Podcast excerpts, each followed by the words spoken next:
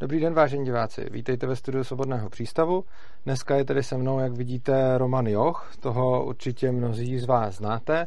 Eh, je to vlastně zastánce konzervativismu a eh, vyučuje politické ideologie, což z něj vlastně dělá i znalce mnohých jiných eh, vlastně no, ideologií. A my si tady budeme povídat o jednak totalitách, protože pan Joch je tady na vaše přání, neboť měl právě přednášku na naší konferenci o totalitách. E, ta přednáška byla velice úspěšná, e, vám se líbila a požádali jste mě, abych pana Jocha vlastně pozval, pozval ještě do studia na základě toho.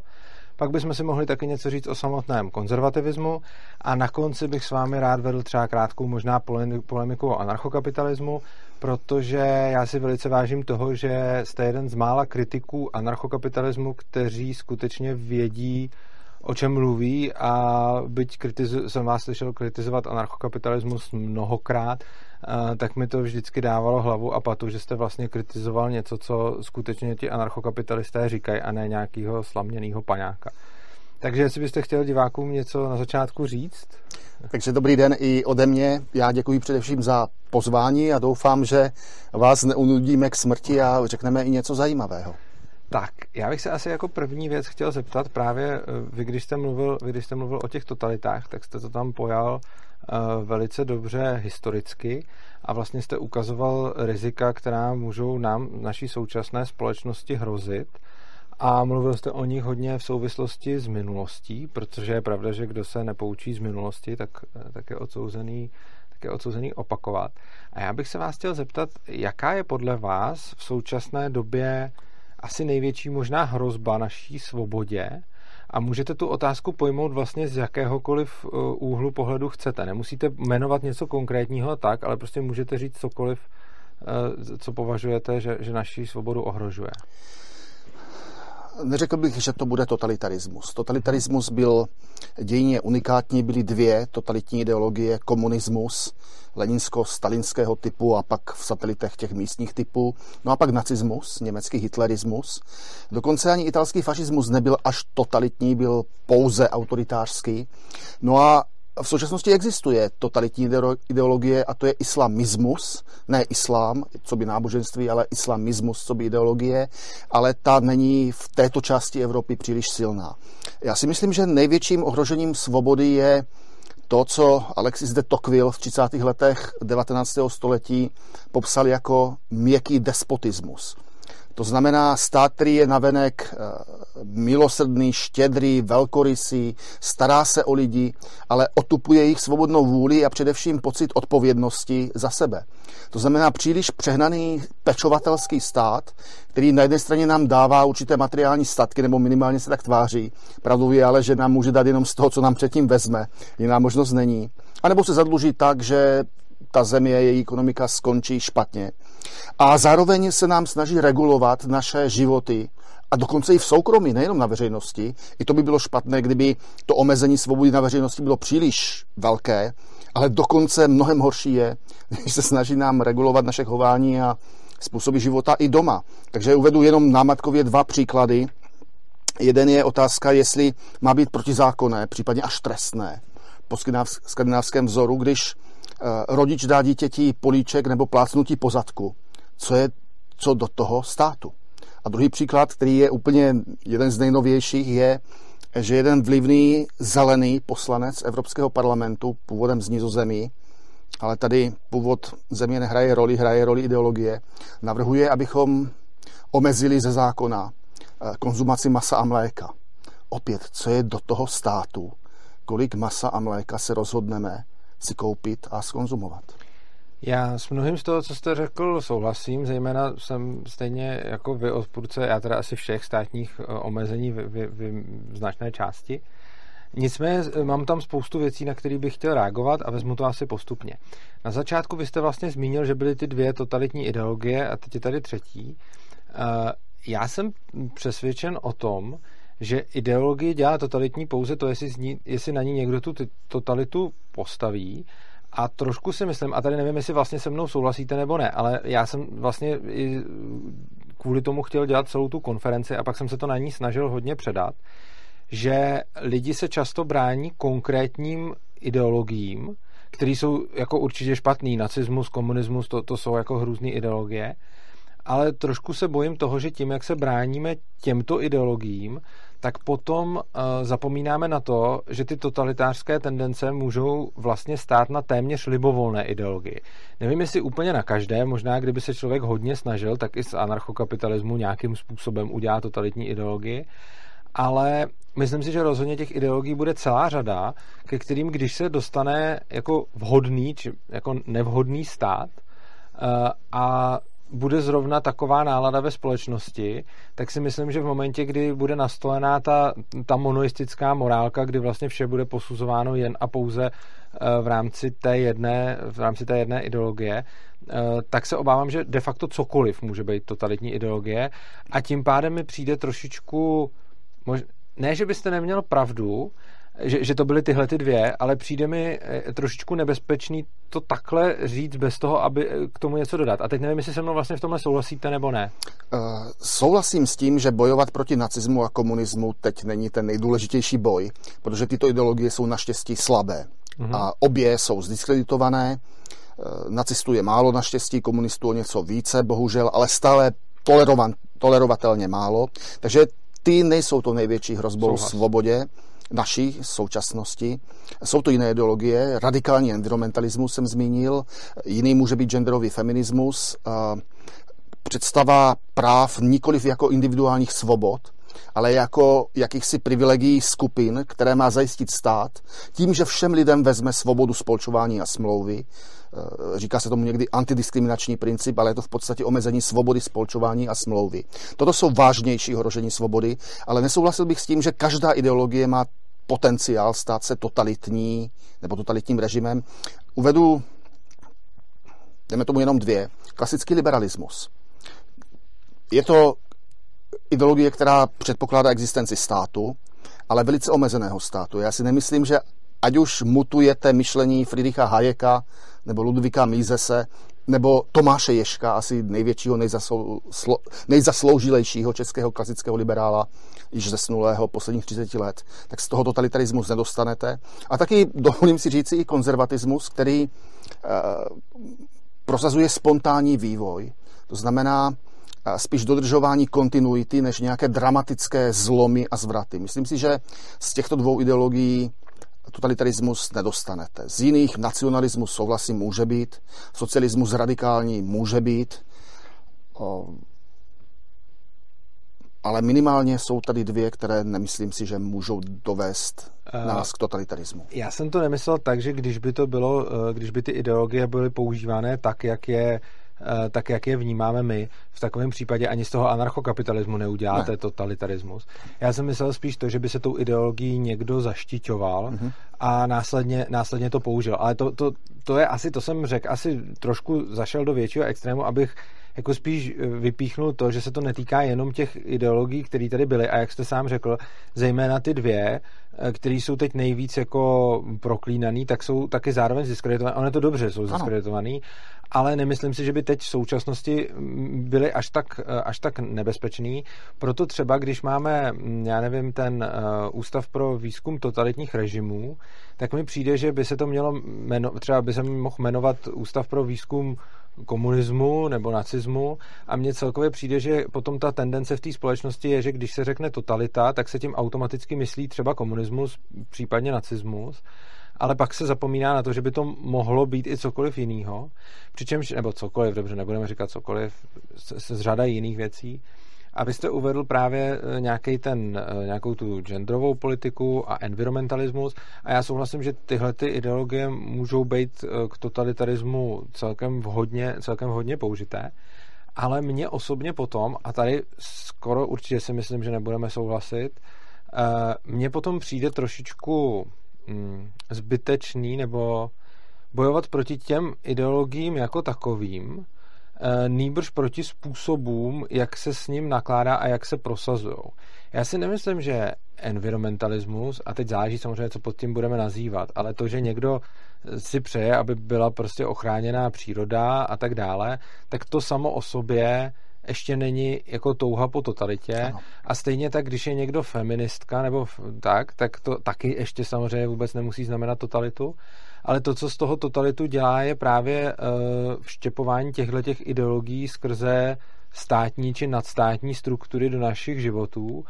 A já osobně potom vidím mnohem užitečnější eh, jako se vymezovat proti tomu eh, násilnému prosazování těch ideologií skrze stát, než proti těm ideologiím samotným, protože často já vlastně ani nemám moc zájem se dohadovat s někým o tom, jak důležité je chránit naší přírodu nebo jaká práva mají ženy, protože mě to, protože já jim jakoby nechci vlastně brát tohleto přesvědčení. Já jenom uh, bych nerad, aby mi ho nějakým způsobem násilím vnucovali.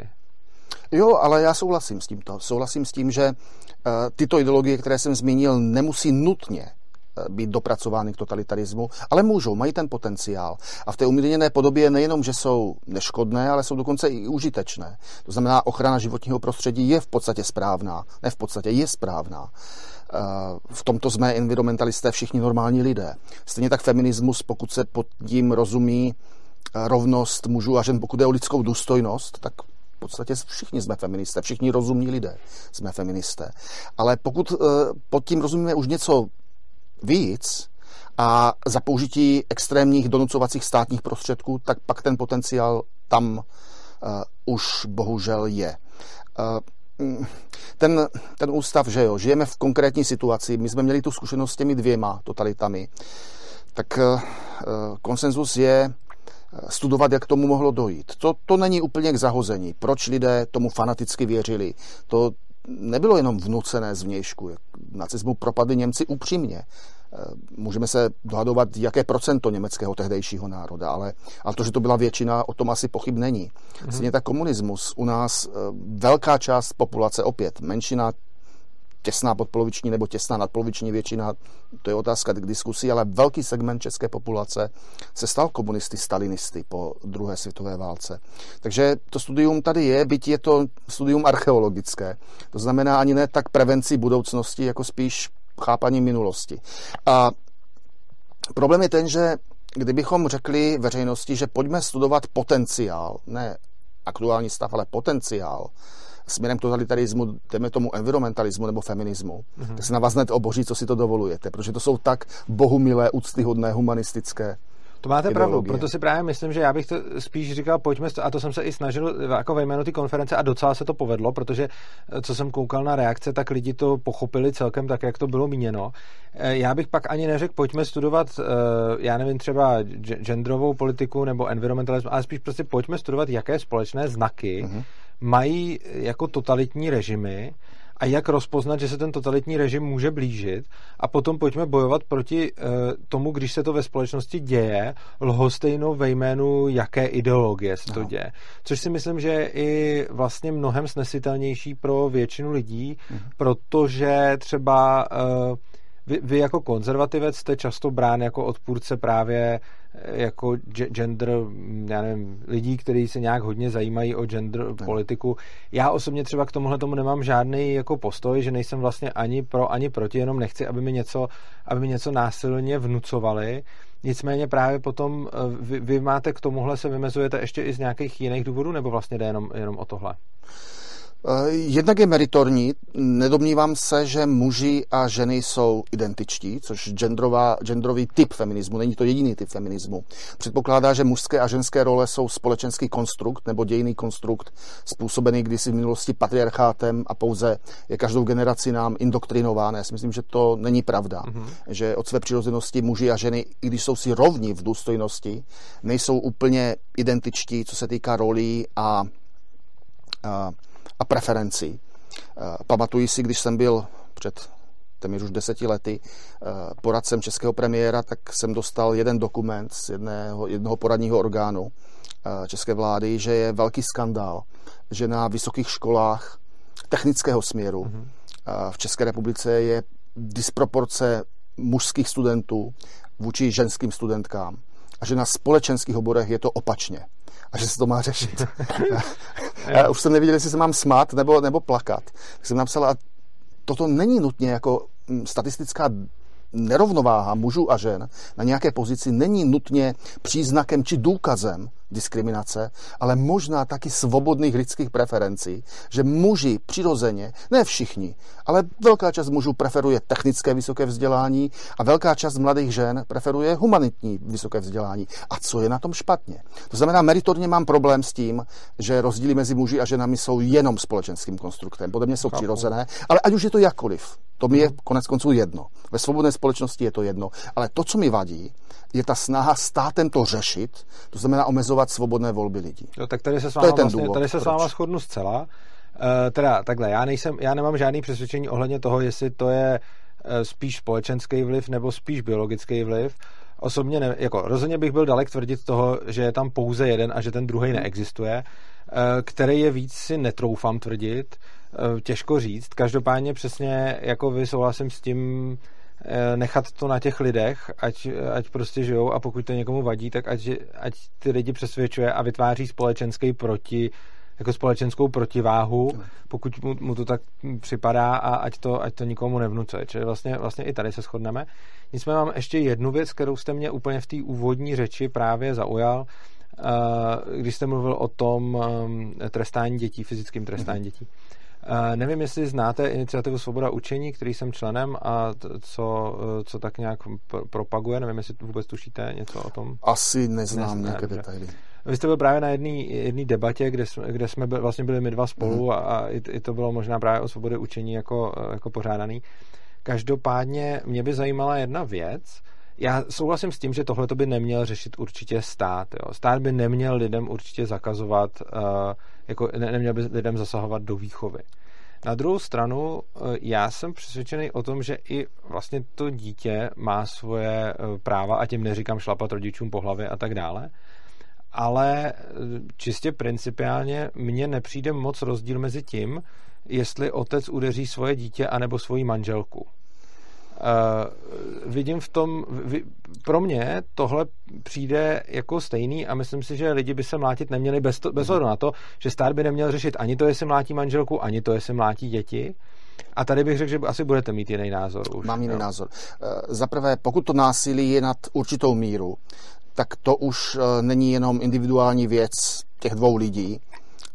To už je věc, která v podstatě může být zločina. V podstatě to agrese fyzická agrese, která může být brutální, jednoho člověka vůči druhému a pak už je to trestný čin, kriminální čin. Bez ohledu na to, co je napsané v zákonech, je to prostě zlý čin, který má být uh, odsouzen morálně jednoznačně a možná jo. i jako trestním právem. S tím nějak souhlasím, a to, na to, a to jedno, jestli právo. vůči manželce nebo dítěti. To mm-hmm. znamená týrání, tam, tam to je jednoznačné.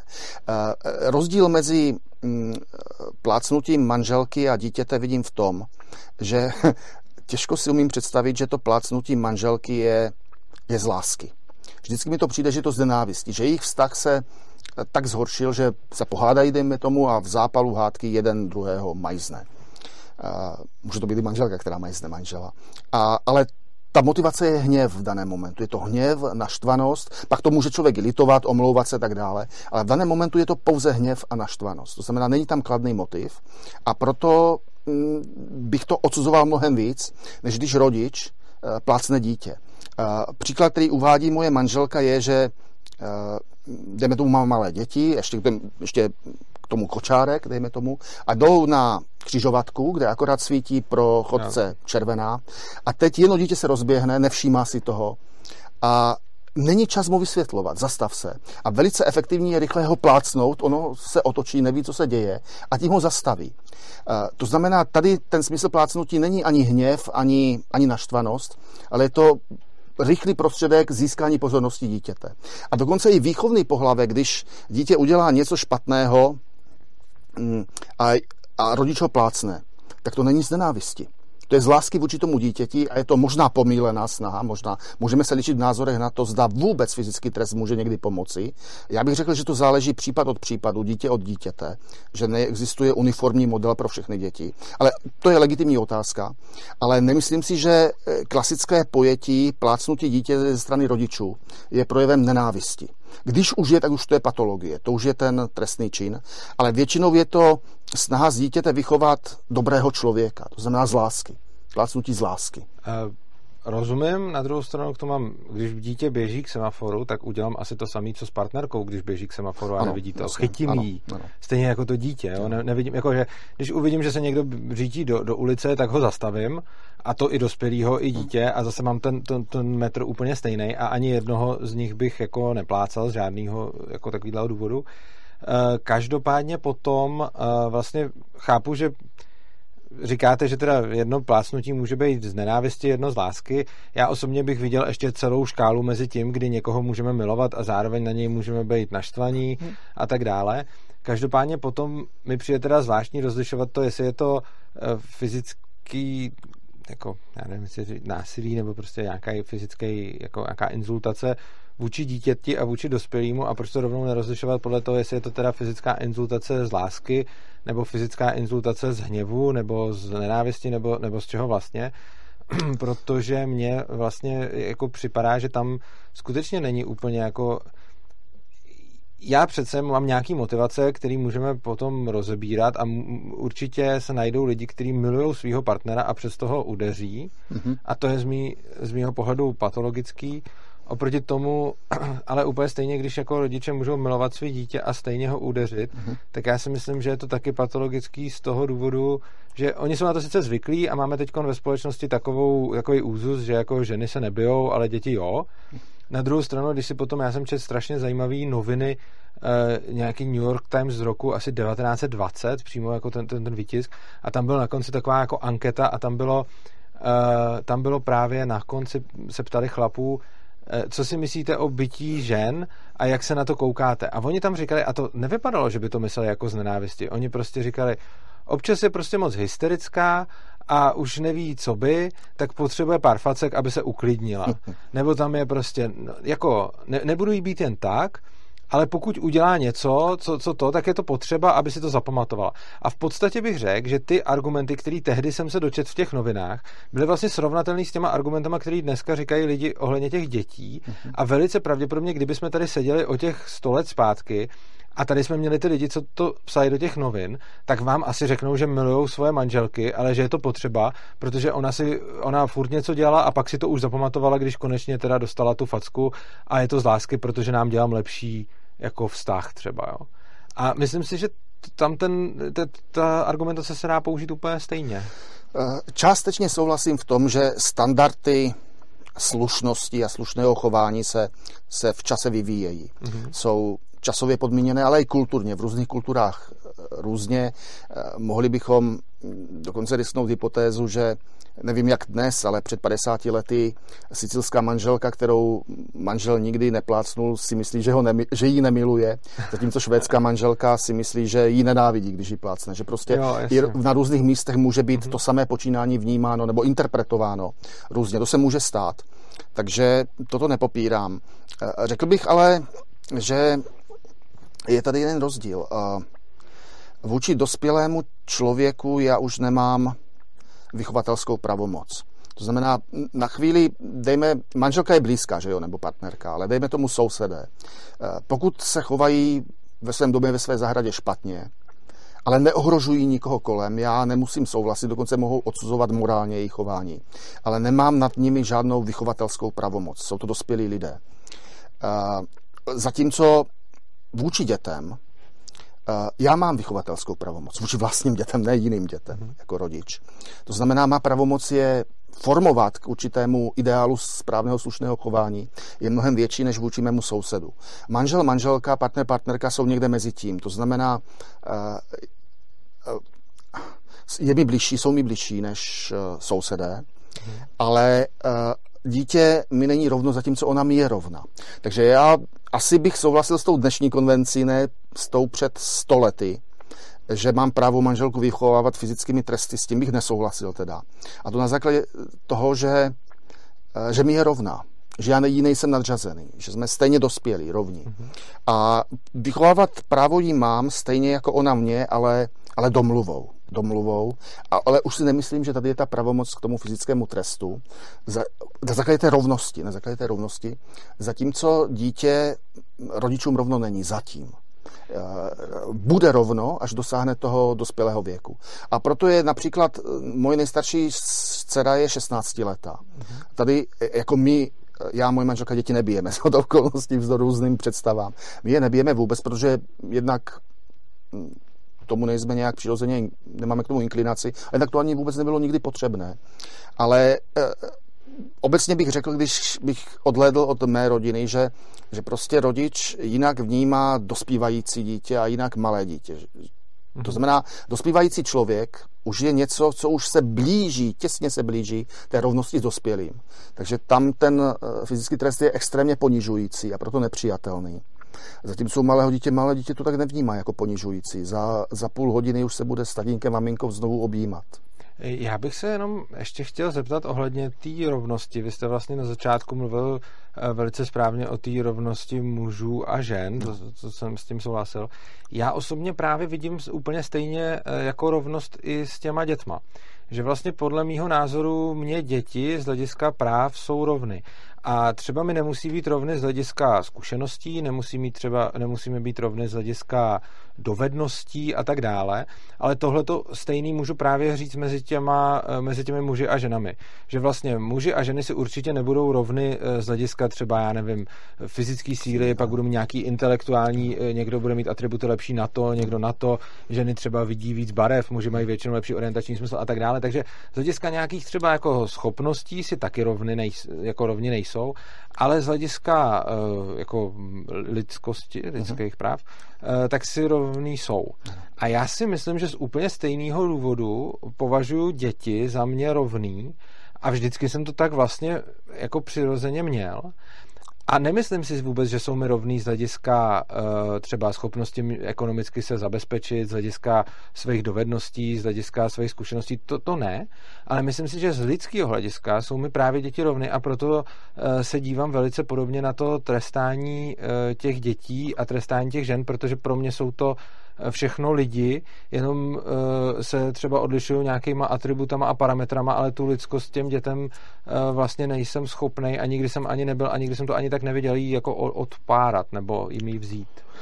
A, um, a opět, abych z poloviny souhlasil, z poloviny nesouhlasil. Souhlasím s tím, že jsou tady aspekty rovnosti. Právo na život stejné, eh, právo nepoškozovat zdraví druhému stejné,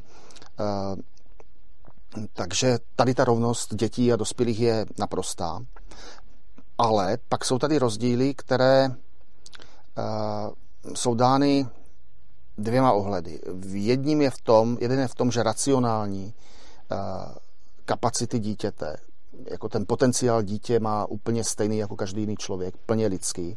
Ale u dítěte ten racionální potenciál není plně naplněn. To znamená hodnotit, zvažovat, posuzovat závažnost svých činů, jejich dopadů, ale i správnost těch činů. To znamená, desetileté dítě nemůže podepsat smlouvu, kterou něco prodá.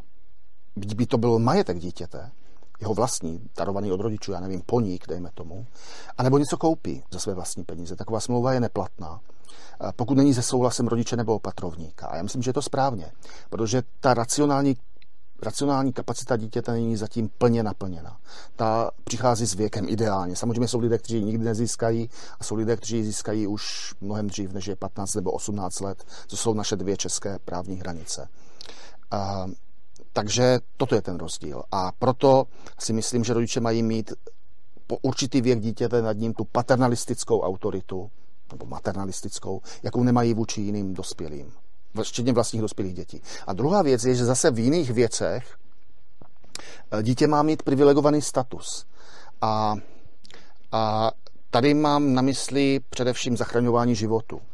Existuje konsenzus, že většina rodičů, kdyby měli na výběr, zda zemřou oni nebo jejich děti, a není třetí možnost, bohužel, uh-huh. zachránit všechny, ale je ta možnost zachránit děti. Většina rodičů si vybere, aby zemřeli oni, oni ale děti přežili. Jo. A to je konsenzus, opět, myslím si, že daný lidskou přirozeností, ale vždycky se může najít nějaký krkavčí rodič. To, to, to ale tak to, to asi a, i z naší biologie. No, a proto si myslím, že například je správné, že když například padne letadlo a je možné zachraňovat lidi, kteří jsou mrtví, jiné je možné zachránit.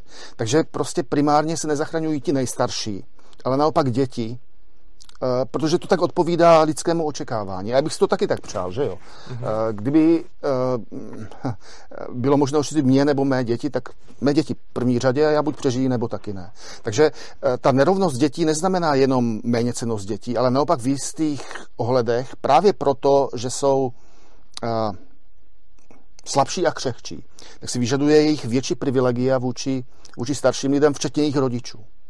To je, to, je určitě, to je určitě zajímavý pohled, to mám něco k přemýšlení, protože já třeba ohledně toho zachraňování sice s váma souhlasím v tom výsledku, ale zdůvodňuji si to pro sebe trošku, trošku jinak, ale eh, když jste právě mluvil o tom intelektuálním nebo racionálním potenciálu, tak eh, já s tím opět souhlasím, že, že ten racionální potenciál u těch dětí není takový jako, jako u dospělých, jenomže potom z tohohle odvozovat nerovnost by teda ale i znamenalo, že pokud budeme mít nějakého dospělého, který opakovaně prokazuje, řekněme, svoji uh, racionální nevyspělost hmm. nebo něco takového, takže vlastně nad takovým člověkem. Já si třeba myslím, že by i, ten, i to desetiletý dítě mělo mít právo něco někomu dát nebo, nebo koupit, ale myslím si, že, uh, myslím si, že když máme nějakého teda člověka, který je už dospělej a je nějak teda na úrovni toho dítěte, tak pokud by, by jsme vzali to, že ty lidi si nejsou teda úplně rovný, protože nemají ten vyvinutý racionální potenciál,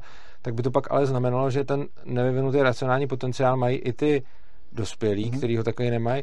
A z toho by teda potom mělo plynout. A já neříkám, že ne, jenom, jenom si to tak jako ujasňuju, že mi přijde, že z toho, co říkáte, by teda mělo plynout, že i když byl nějakého dospělého, který není dostatečně intelektuálně nebo racionálně tak bych ho taky mohl jako plácnout, když... No, plácnout... Uh... Zase, ne, já vám to nechci pod, podsouvat, jenom... Řeknu dvě věci, ano, někteří lidé mají ten potenciál nenaplněný Mm-hmm. Znamená, jsou nesvé, nesvé právní a jsou zbaveni své právnosti. Mm-hmm. Ať už jsou institu, institucionalizovaní v nějaké léčebně nebo jsou v domácí péči, ale prostě jsou zbaveni své právnosti, protože jsou nemocní. Jsou nemocní, psychicky nemocní a ten jejich potenciál tudíž neměl, eh, bohužel, kvůli nemoci možnost být naplněn. Takže tento případ existuje. Mm-hmm. A opět, většina lidí s tím nemá problém. Ten problém je najít tu hranici, najít tu hranici, protože opět v dějinách se stávaly případy, že že Já rodina někoho uměle nechala zbavit příčetnosti a zavřít do blázince. Jo. Ten člověk byl úplně zdravý nebo zdravá, uh-huh. ale manžel se chtěl zbavit nějaké manželky, která přestala bavit, tak eh, tam určitou hranici to je těžké, ano, to, to je těžké, ale že v principu toto může být, to o tom myslím si existuje konsenzus. A, a někdy, jestli lidé jsou zaslepeni vášněmi a, a jestli je můžeme plácnout, no ano, násilné demonstranty. Když se podíváme na to, co se děje v amerických městech, když někdo, blahobytný člověk, ani ne nějaký chudák, žebrák, blahobytný člověk jen tak přijede autem před obchod eh, s teniskami Nike, vymlátí tam to, eh, skleněnou výlohu, teď krade ty boty, které si může klidně koupit, protože má krásné auto. A tak si myslím, že ano, policie má právo použít vůči nimi vodní děla, nebo pokud je ten policista poblíž, tak poplácnout tím obuškem. Jo, ale to jsme se dostali někam trošku jinam, protože jako tady vlastně tam si na to nemyslím, že by musel být nutně nějaký eh, jako to, to je přece úplně jiný případ. Tam jde o to, že on narušuje něčí jako zrovna vlastnictví a tak to vlastnictví je třeba nějakým způsobem bránit a tam je přece úplně jedno, jestli je příčetný, nepříčetný, psychicky zdravý nebo nemocný, tam prostě bráníme majetek a to nemyslím, že by měl dělat jenom policista, prostě kdokoliv, eh, kdokoliv může, kdo to tak může bránit. Ale, ale, ale, ale mo- o... momentálně ten člověk může být úplně normální, normální člen mm-hmm. společnosti, ale protože je zasažen emocemi, naštvaný na policejní zabití, neoprávněné, eh, člověka při zatýkání, anebo prostě si řekne, když ostatní rabují, proč bych si nevzal nové boty. Tak jeho racionální kapacita je momentálně zahlcena nebo zahlušena, umlčena buď emocemi nebo, nebo hodnotovým relativismem, bychom mohli říct, že relativizuje právo na majetek, na tom svém trvá pochopitelně, to auto tam nechce, aby mu ho, mu ho někdo škrábnul. Ale si řekne si, proč bych si taky nevzal, když ostatní berou, tak v tom daném momentu jeho racionální uvažování je potlačeno ale, ale tam vlastně ho přece ne, nebijeme, protože má potlačování, ne, racionální uvažování, ale protože věc. že dělá špatnou ano, věc. Ano. A teď já mluvím ale o tom, že to dítě, jako výchovně že, že, dostanu, že dostane facku, uh, tak to nemusí porušit něčí vlastnický práva. To dítě ne. třeba mohlo rodiči říct něco, co ten rodič tomu dítěti běžně říká. Jo, to je taková jako, jako úzus, že prostě rodič nějak mluví s dítětem a pak se hrozně diví, když to dítě mluví úplně stejně. stejně naopak s ním. A kolikrát je to bráno takže ten rodič to tomu dítěti může říct. A když mu to dítě řekne naspět, tak je to drzost a dostane facku. Že? A to, tohle... Tak, ale to je zneužití rodičovské pravomoci. Jo, čili tohle to nevnímáte jako tu, legitimní. tu legitimní ne, facku. Ne. To, je, jo, to, to, to spíš ten rodič by si zasloužil. Okay. dobře. No dobrá, tak to jsme, to jsme se, eh, to mě i překvapilo, že jsme se dostali do takovéhle zajímavý, eh, zajímavý diskuze z toho začátku, kdy jste to vlastně jenom zmínil, to jsem ani nečekal, že, že se takhle vyvine, to jste mi dal nějaký, nějaký náměty k přemýšlení. Sice jako vlastně já nesouhlasím ani s tím, že by to dítě nemělo mít možnost darovat, prodávat a podobně, hmm, ale... Da, darovat, no. prodávat, samozřejmě obdarovat kamarády, obdarovat sourozence, jistě. Uh, dostává od starých rodičů peníze, může za to něco koupit, ať už sladkosti, nebo hračky, nebo triko a darovat někomu, komu chce, kamarádce, kamarádovi. Uh, o tom nikdo nepochybuje, ale pokud to dítě je dědicem majetku, domu, nemovitosti, prostě má opatrovníka, tak nemůže se samo desetileté rozhodnout, že majetek prodá za motorku například. Kluk, když je to kluk, nebo když holka za, já nevím, kolekci šatů. Protože ta cena je neadekvátní a, a to dítě to nedokáže posoudit, tu hodnotu. Uh, já s tímhle tím částečně jako nesouhlasím, hlavně z toho důvodu, že si potom myslím, že ten opatrovník tam může být k tomu, aby to tomu dítěti vysvětlil hmm. a nemusí nutně být teda správcem toho majetku a e, jako umím si představit, že pokud bych jako já byl opatrovníkem dítěte, tak mu budu dávat svobodu nakládat s jeho, s jeho majetkem a samozřejmě se mu budu snažit vysvětlovat, aby tyhle ty věci nedělal. Tak když udělá? Když bude chtít udělat? Když je bude chtít konstantně udělat a bude si na tom trvat, Uh, tak já se mu budu snažit vysvětlit, že třeba za to nemusí mít jednu motorku, ale že za ten dům by mohl mít motorek celou řadu a tak dále. A pokud by si na tom i tak jako uh, konzistentně trval, tak bych s ním o tom asi měl jako spoustu rozhovorů, ale když bych ho nepřesvědčil, eh, tak bych ho to asi nechal udělat z toho důvodu, že eh, jako mně přijde, že šance, že by na tom to, to dítě trvalo. Já jsem já jsem ve své jako výchově dětí postupoval vlastně eh, vždycky tímhletím způsobem, že jsem se s nima nějak o těch věcech jako domlouval a vlastně nikdy se asi nestalo, že by ta domluva jako úplně takhle selhala, že když jsem viděl nějakou možnost, kterou to dítě jako nevidělo, a já bych mu ji popsal, tak já neříkám, že takový je každý dítě, jo, já prostě, jako, ale ty, ty děti, který jsem já vychoval, tak byly tři a ze všema to fungovalo tak, že když jsem viděl nějakou možnost, která mi přišla, že je pro to dítě lepší a já jsem mu to začal jako předávat, tak to dítě to většinou nakonec akceptovalo a nebyl asi problém s tím, že by si furt trvalo na tom přeskazení. A kdyby si ale hypoteticky trvalo, tak si myslím, že k tomu asi má nějaký důvod, který já třeba nevidím, hmm. protože pokud jsem s ním mluvil a předal jsem mu všechny své argumenty a, a možnosti a co jsem vysvětlila, tak pokud já ho nejsem schopný přesvědčit jako dobrovolně, tak si nepřijdu, tak, tak si říkám, no tak asi nejsem tak jako osvícený, abych mu to mohl jako zakázat násilím. Ale to je spíš o takovém nějakém pohledu, pohledu na, na to je spíš o nějakém filozofickém přístupu, si myslím. Hmm. Jako. Já bych řekl, že ano, děti, děti nejsou úplně nechápavé pochopit to, když se jim to vysvětlí. Hlavně, když mají důvěru vůči té osobě.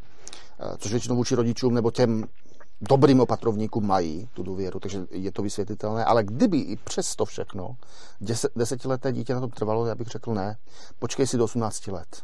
Hmm. A pak je to úplně tvoje a dělej si, co chceš. No, tak to se liší. V tom, v tom ano, já bych mu to, jako, já bych si s ním sice hodně o tom povídal, ale nakonec, kdyby, kdyby to všechno nezabralo, tak bych mu to, tak bych mu to nechal, protože je to jeho, že? Hmm, Není to, to moje, no. Čili, čili, tak.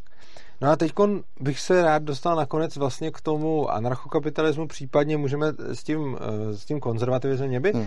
mě by vůbec asi od vás zajímalo, a to by bylo pro diváky určitě dobrý, kdybyste popsal, eh, co je vlastně podle vás konzervativismus, protože já ten pojem chápu jako ideologii konzervativistickou asi velice podobně jako vy, ale celá spousta lidí ne i proto, že to slovo je asi jako přetěžovaný, což znamená, že potom hmm. se často vnímá, že konzervativismus znamená vlastně lpění na tom, co je a snaha za konzervování všeho, což vlastně je taky jeden z významů toho ano. slova. A co já často vidím v různých diskuzích, tak se často zaměňuje konzervativismus jako obecně s politickým konzervativismem a myslím si, že vy do toho můžete vnést světlo určitě líp než já, protože sám vlastně konzervativismus zastáváte. Jo. No, je, je to těžké, protože je úžasná variabilita v rámci konzervatismu. Když se podíváme na ideologie, jako je klasický liberalismus, socialismus, komunismus, fašismus, tak jsou snadno a relativně přesně definovatelné. Anarchokapitalismus taky snadno definovatelné. Konzervatismus je velice variabilní. A co k němu říct? No, asi třikrát tři věci.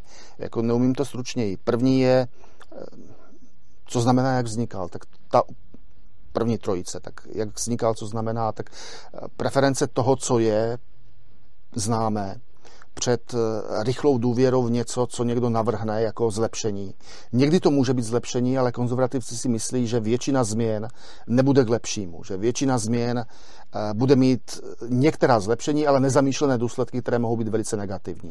To znamená preference toho, co známe, eh, máme vůči tomu určitou důvěru. Není to perfektní, není to ideální v žádném případě, ale je to vyzkoušené. To, že se nemáme řídit pouze rozumem, ale i zkušeností a a intuici například. Takový iracionální aspekt konzervatismu. Druhé je, že to konzervatismus vznikl jako reakce na velkou francouzskou revoluci. Ne, že Můžu jenom k tomu doplnit hmm. otázku. U toho prvního vlastně z toho, co jste řekl, tak je to a priori nedůvěra ke změně, eh, ale asi ne ke každý, ne? Ano, jako, je to jo. presumpce opatrnosti vůči navrhnutým změnám, zvážit je jo. předtím, než se pro ně rozhodneme. A, a spíš a to souvisí s tím druhým, že když už budeme něco měnit, ať už zákony nebo zvyklosti, tak ne tak, že stát to má lidem vnucovat, že takhle musíte změnit své zvyky a, a, a jako jakobíní, ale nejdřív jakési veřejné mínění ve společnosti musí se smířit s tím, že tato praktika je špatná nebo neužitečná nebo nedůstojná nás, jako například bytí dětí, mm-hmm. a proto se jí zbavíme. To znamená, pokud velký konsenzus bude, bude, že je neslušné být děti, tak ačkoliv s tím nebudu souhlasit, tak by mi tolik nevadilo, že by to i zákon zakázal. A byť si myslím, že to není pravomoc státu, ale v situaci, kdy ten konsenzus není, tak si nemyslím, že zákonem máme vychovávat obyvatelstvo. Takže takhle ke změně. No a francouzská revoluce právě, ne, že by staří burboni ve, Franco- ve Francii byli dobří, ne, to byla absolutistická vláda, ale problém byl, že ta nová revoluční vláda byla ještě horší. Takže jakási reakce na, na ten revoluční teror. A za třetí je to takový pesimistický pohled na člověka, který říká, že, že lidé jsou eh, ani ne úplně zlí, nejsou to ďáblové, protože jsme schopni skutku šlechetnosti, milosedenství, ale ani andělé. To znamená, člověk je smíšená bytost a proto civilizace je velice křehká. To znamená, civilizovaná, mírová, nenásilná společnost je mnohem křehčí, než si myslíme. A mnohem snadněji se může skazit a pak v tom lepším případě hoří pouze budovy a obchody v Minneapolis, v tom horším případě hoří lidské bytosti. A to se může stát v každé společnosti. Vyspělé německé, vyspělé americké, zaostalé kambodžské, prostě, když ona nebyla zaostalá, to byla stará, starověká kultura kmerská, prostě kdekoliv.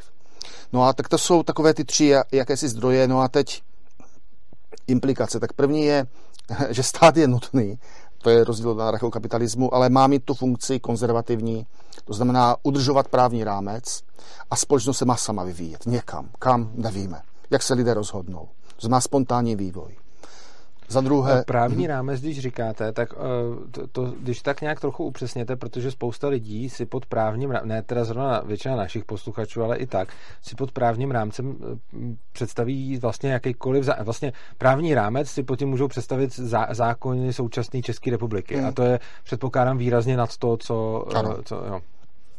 Tady se už liší jednotlivé školy. Jedna je skeptická, to je ten hlavní v Británii, na britských ostrovech, David Hume například, mm-hmm. filozof v 20. století, to byl Michael Oakeshott, kteří říkají, že my nemáme kritérium poznat správné a špatné zákony, ale spíše ty, které se v dějinách ustavili jako tradice, na ty jsme zvykli, tak podle těch. To je to nejmenší zlo, cesta nejmenšího odporu. To, co jsme akceptovali, jak si nerozhodli jsme se velkým koncenzem to změnit, tak podle těchto zákonů.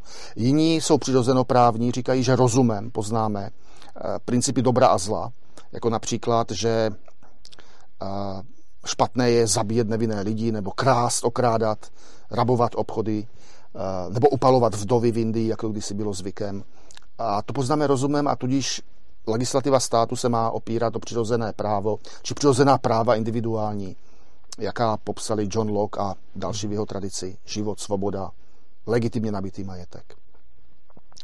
No a to jsou dvě hlavní, dva hlavní uh, zdroje zákonů právního rámce. Tradice nebo přirozené právo. Uh, někdy můžou být v rozporu, protože někdy mm-hmm. tradice obsahuje něco, co je ošklivé. Jak jsem zmínil, v Indii tradici bylo opalovat vdovy, u nás tradici bylo opalovat čarodějnice. Přitom to žádné čarodějnice nebyly. Tradici kdysi bylo otrokářství, které je jednoznačně proti přirozeným právům a tak dále.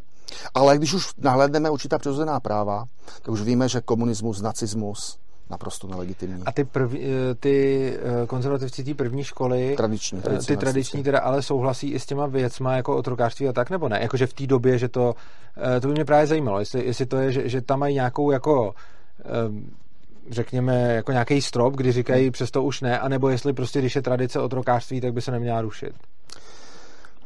Uh, každý chápal, že otrokářství je velká nespravedlnost.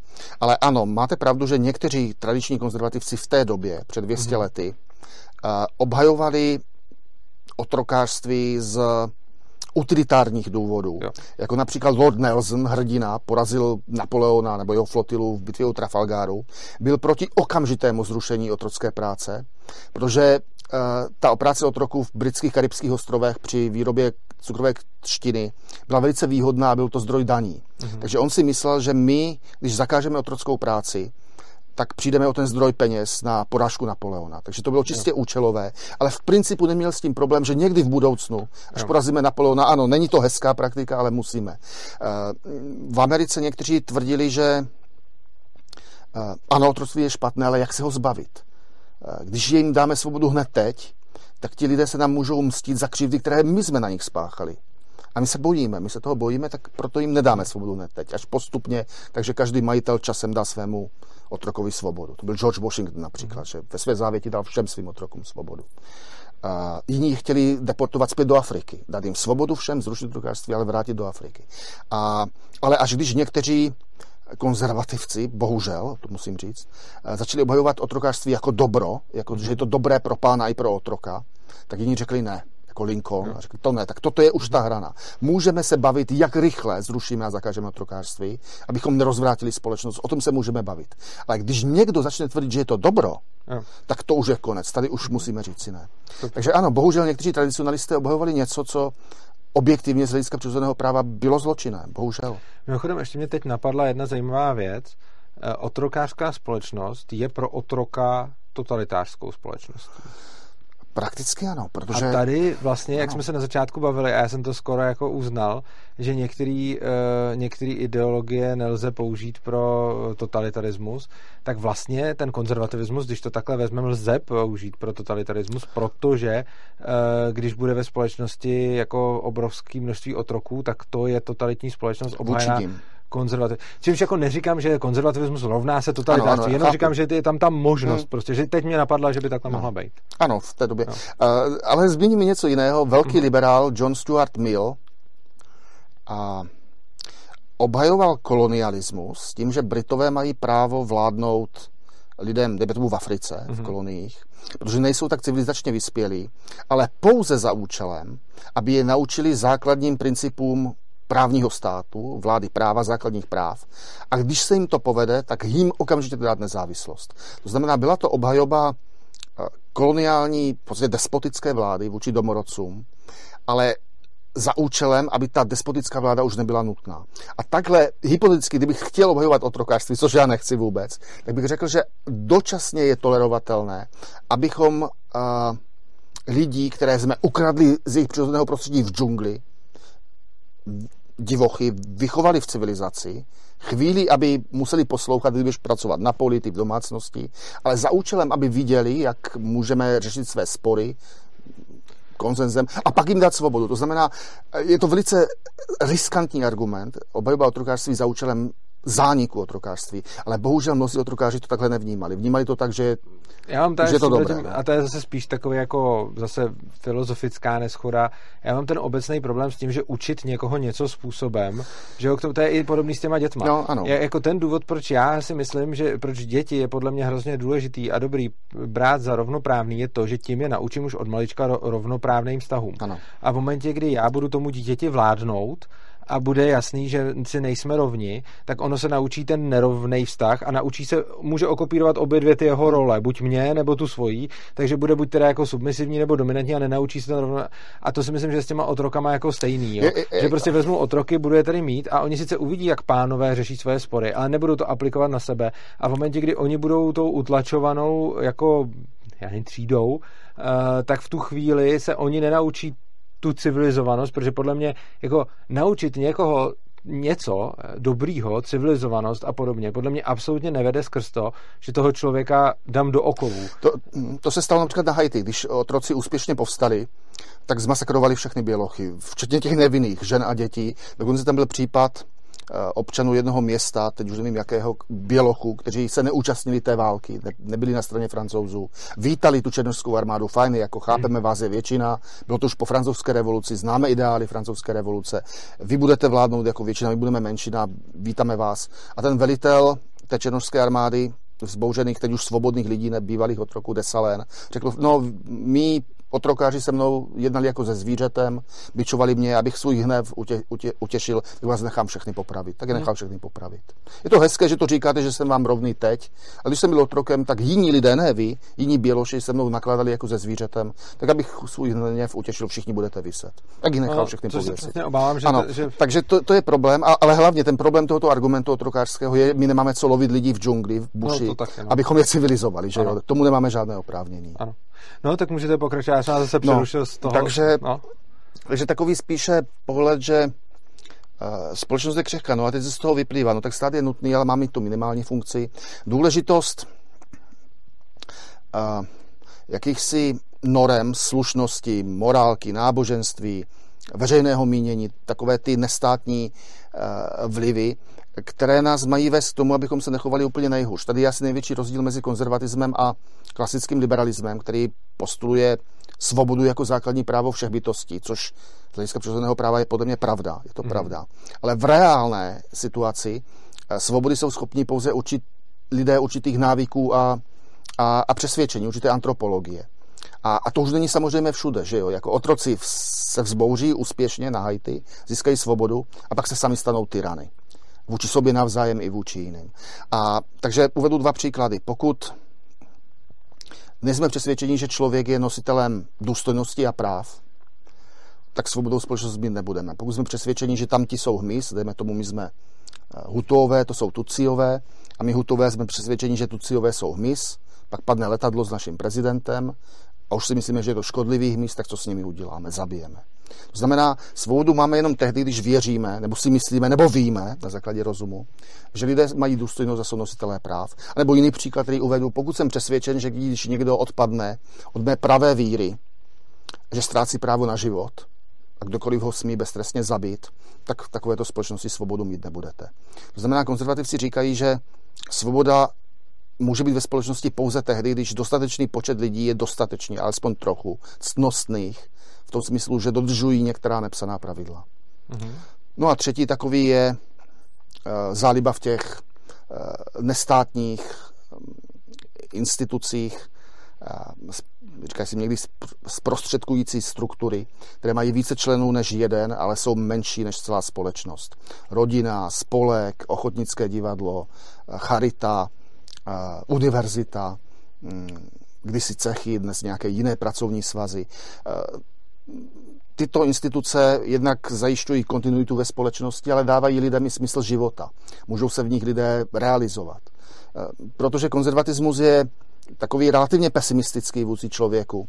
Jak s tímto údělem naším lidským naložit? Že jo? Tak jedna možnost je sebevražda. Eh, osud mi dal nevítaný dar života, já se trápím, jsem smutný, nešťastný, tak se zabiju, konec trápení.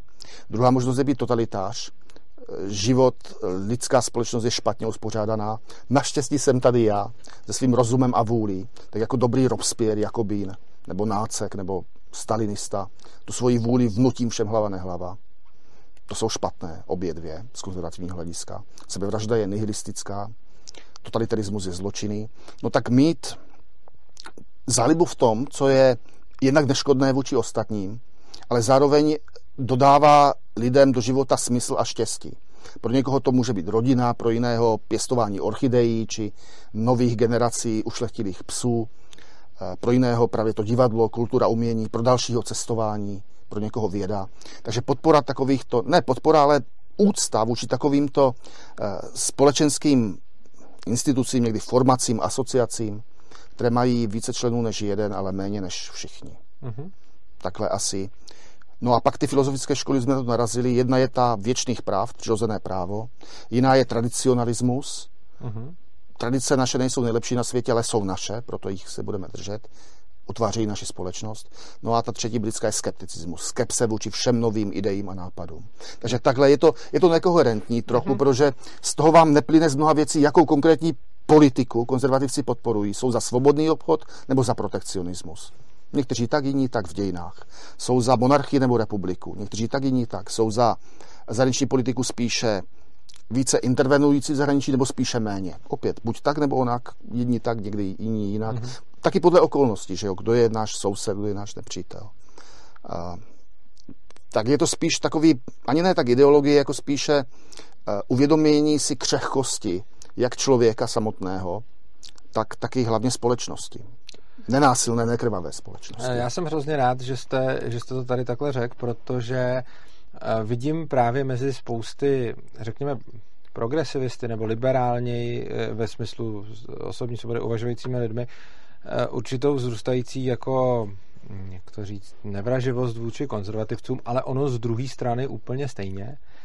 A já potom, já potom vlastně se setkávám se spoustou konzervativců, kteří řeknou, konzervativismus je tohle a prezentují to jako něco, co je třeba dost hrozný. A jsem vlastně rád, že, eh, že vy jste tady neřekl, konzervativismus je tohle, ale že jste řekl, že to, že to může být spousta věcí. A vlastně tohle to je spíš nějaký jako apel k lidem, kteří nás poslouchají nebo se na nás dívají. Eh, tyhle jako jako čas, řada z nás jsme anarchokapitalisti a to je strašně úzce vymezená skupina ve smyslu, že jsme jednou jako vzájemně nejvíc konzistentních jako skupin hmm. ve smyslu, že naše názorové odlišnosti z hlediska toho jsou, jsou minimální. Oproti tomu je celá řada jako jiných skupin lidí, jako patřící k nějaký ideologii, kteří, jejich, kterými jsou rozdíly jako obrovský. Takže jako když třeba potom vidím anarchokomunisty, tak i mezi anarchokomunistama je obrovský rozptyl a pak samozřejmě i mezi konzervativcema a progresivistama, čímž pádem potom je hrozně dobrý si nedělat ten názor eh, jako na základě toho, co... Nálepky. Na, na základě té nálepky a myslím si, že tady je to, tady je to hodně, hodně důležitý. No a teď bych se rád dostal k tomu poslednímu, o čem, o čem jsem s váma chtěl mluvit a to je vaše kritika anarchokapitalismu já bych se vlastně chtěl zeptat, uh, no, co, proč vlastně proč vlastně nesouhlasíte s myšlenkou, uh, že stát Nemám. je zbytný?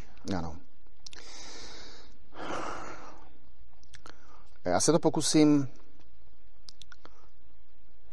zmínit maximálně na třech příkladech. Uh-huh. První je čistě empiricky, na základě zkušenosti, a to je obrana. Uh-huh. Prostě nevěřím, že, hlavně po 20. století, uh-huh. nevěřím, že takováto společnost by se ubránila.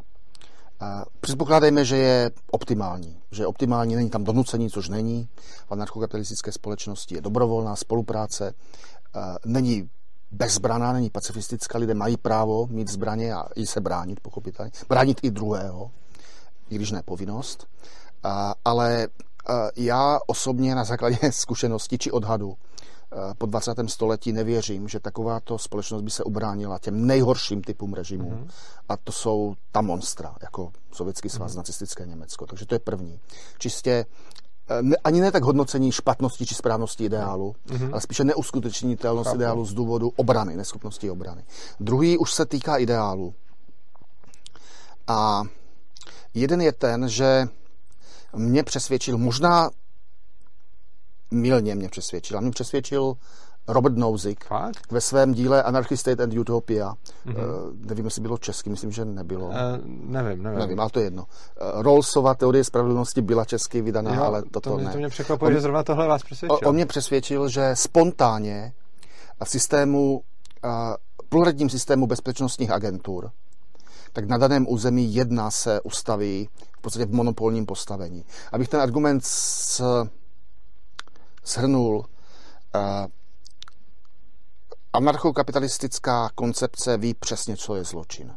Mm-hmm. Porušení práv, život, svoboda, majetek. To znamená, víme-li, co je právo, víme, co je zločin, porušení práv. Ale to, že víme, co je zločin, tak to ještě neznamená, že víme, co je patřičný trest za zločin. To znamená, když mi někdo ukradne kolo, mírná, mírný zločin, tak by ho musí vrátit, pochopitelně. A pokud to poškodilo, kompenzovat, to je taky jasné. Ale to nestačí. Musí mít ještě nějakou újmu. Protože pokud by trestem za krádež byla pouze restituce, tak se vyplatí krást. Chytnou-li mě, vrátím, nic se mi nestane. Nechytnou-li mě, jsem sice krysa, ale úspěšná krysa. Takže něco navíc, buď vězení nebo pokuta.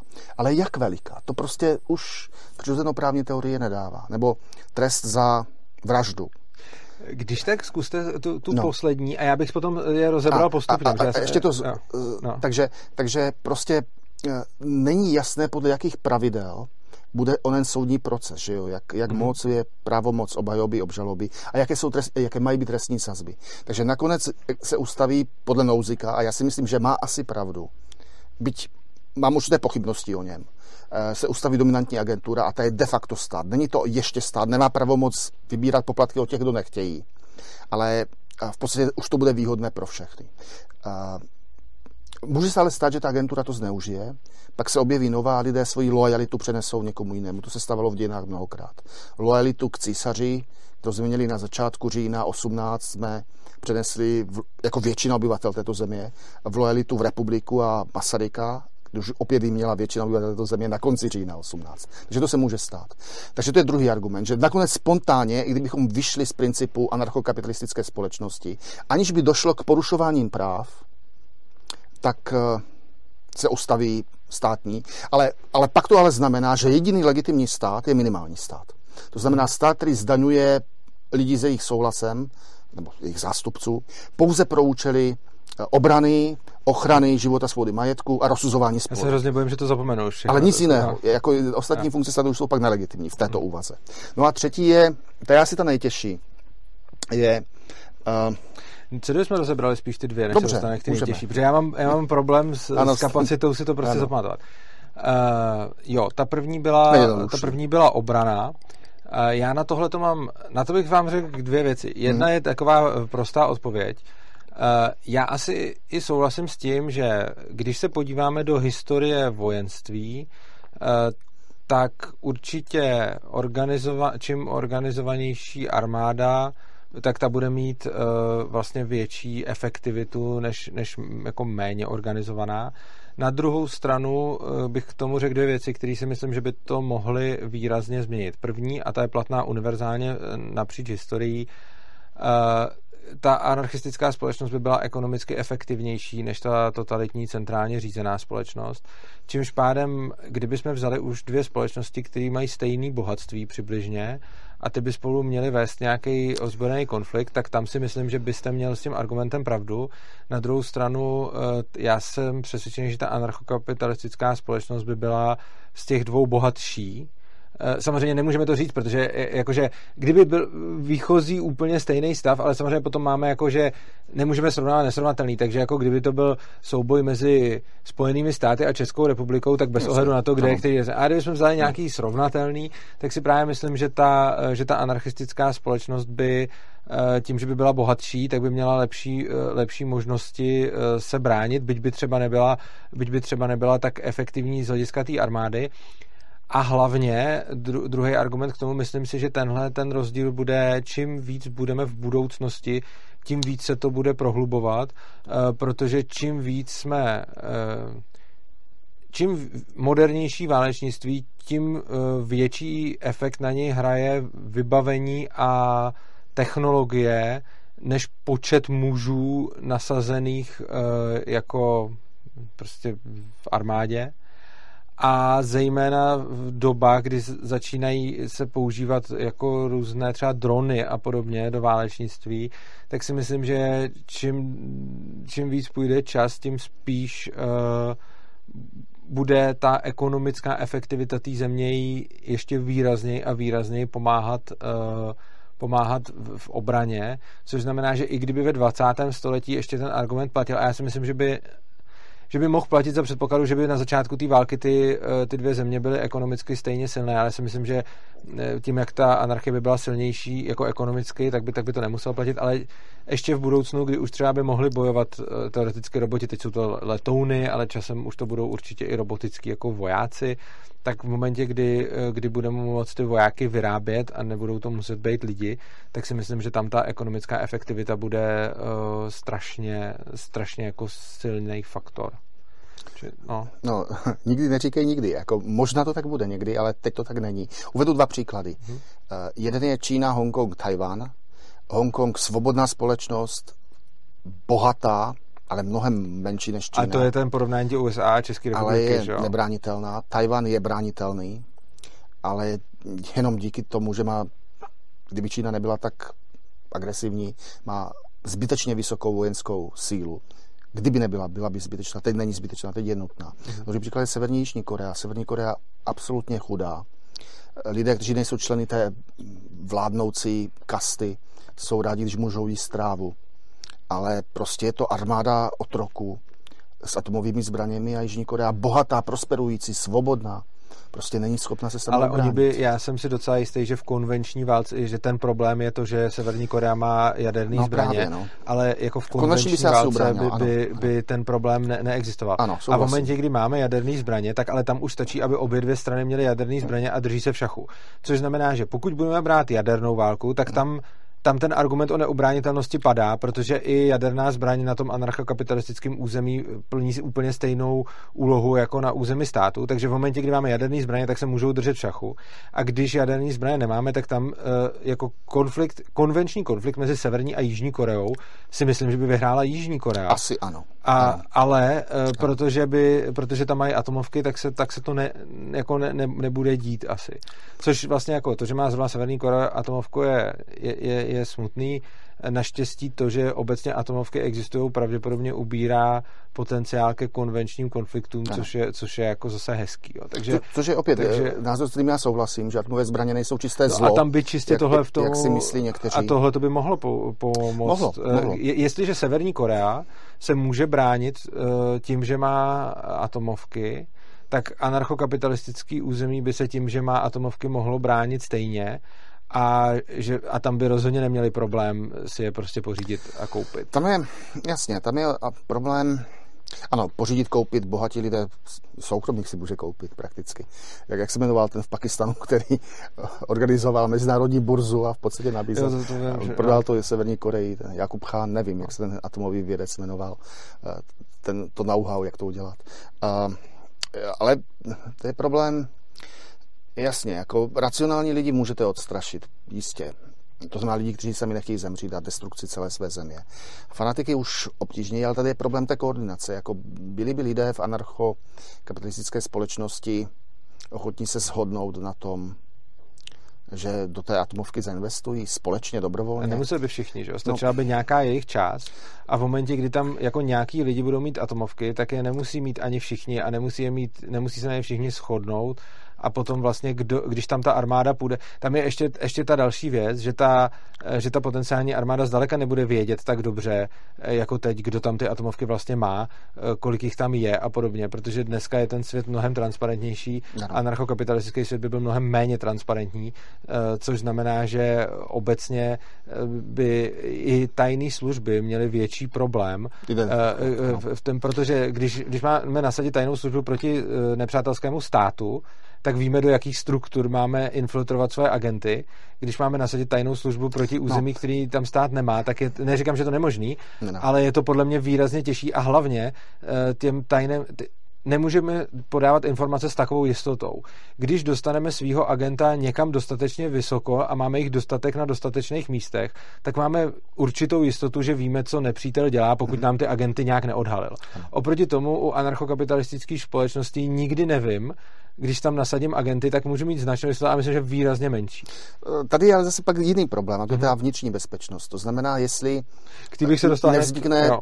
enormní riziko pro ostatní lidi, ne protože já, majitel atomovky, jsem mám špatný záměr ublížit sousedům, ale prostě proto, že nejsem mm, uh, natolik, ať už no, řekněme, ochotný nebo naopak racionální na základě jo. znalostí si ty atomovky ochránit tak, aby mi je souhlasím. někdo neukradl, nebo aby náhodou samovolně neexplodoval. Já souhlasím, že tady to riziko je. Na druhou no. stranu, když se podívám na, na to, eh, jaký lidi teď momentálně drží atomové zbraně, tak si nemyslím, že to je zrovna... Za... Když se podíváme na to, jak málem začala třetí světová válka, když eh, vlastně v Sovětském svazu už bylo, jako bylo už mnoho jako chvil, kdy to vypadalo, že něco začne. Dvě. A ta, ne... no, já teda, no, no, zejména ta jedna, ve který už to vypadalo, ve který, eh, protože měli špatný jako senzory, no. tak, tak se zdálo, že na, ně, že na ně už letí ty atomovky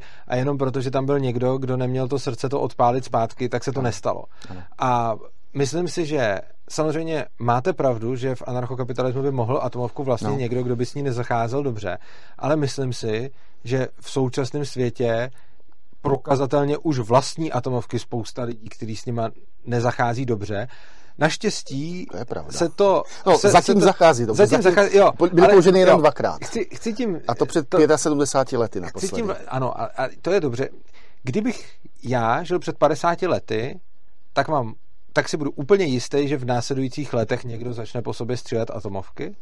A jsem si vlastně teď hrozně mile překvapený, že se to neděje. Uh-huh. A tím, že se to celou dobu nestalo, uh, získávám přesvědčení, že asi je mnohem víc lidí, kteří nechtějí zmasakrovat ostatní jaderným výbuchem, než se zdá. No, ne, ne, ne, já tady nesouhlasím. Podívejte, když atomovka její hlavní význam není ji použít, ale ano, odstrašovat. odstrašovat. A vy můžete odstrašovat a i toho diktátora, který je totálně tyranský vůči vlastním lidem, mm-hmm. nebo sousedním malým slabým zemím, jako bylo Československo 68, ale který nechce zemřít a nechce totální destrukci.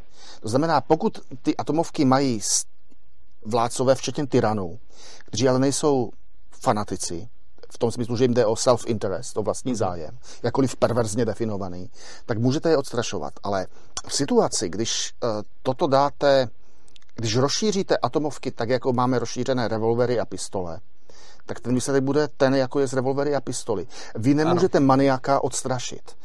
A já osobně jsem stoupencem práva vlastnit zbraně, střelné Aha. zbraně, eh, individuálního práva občanů.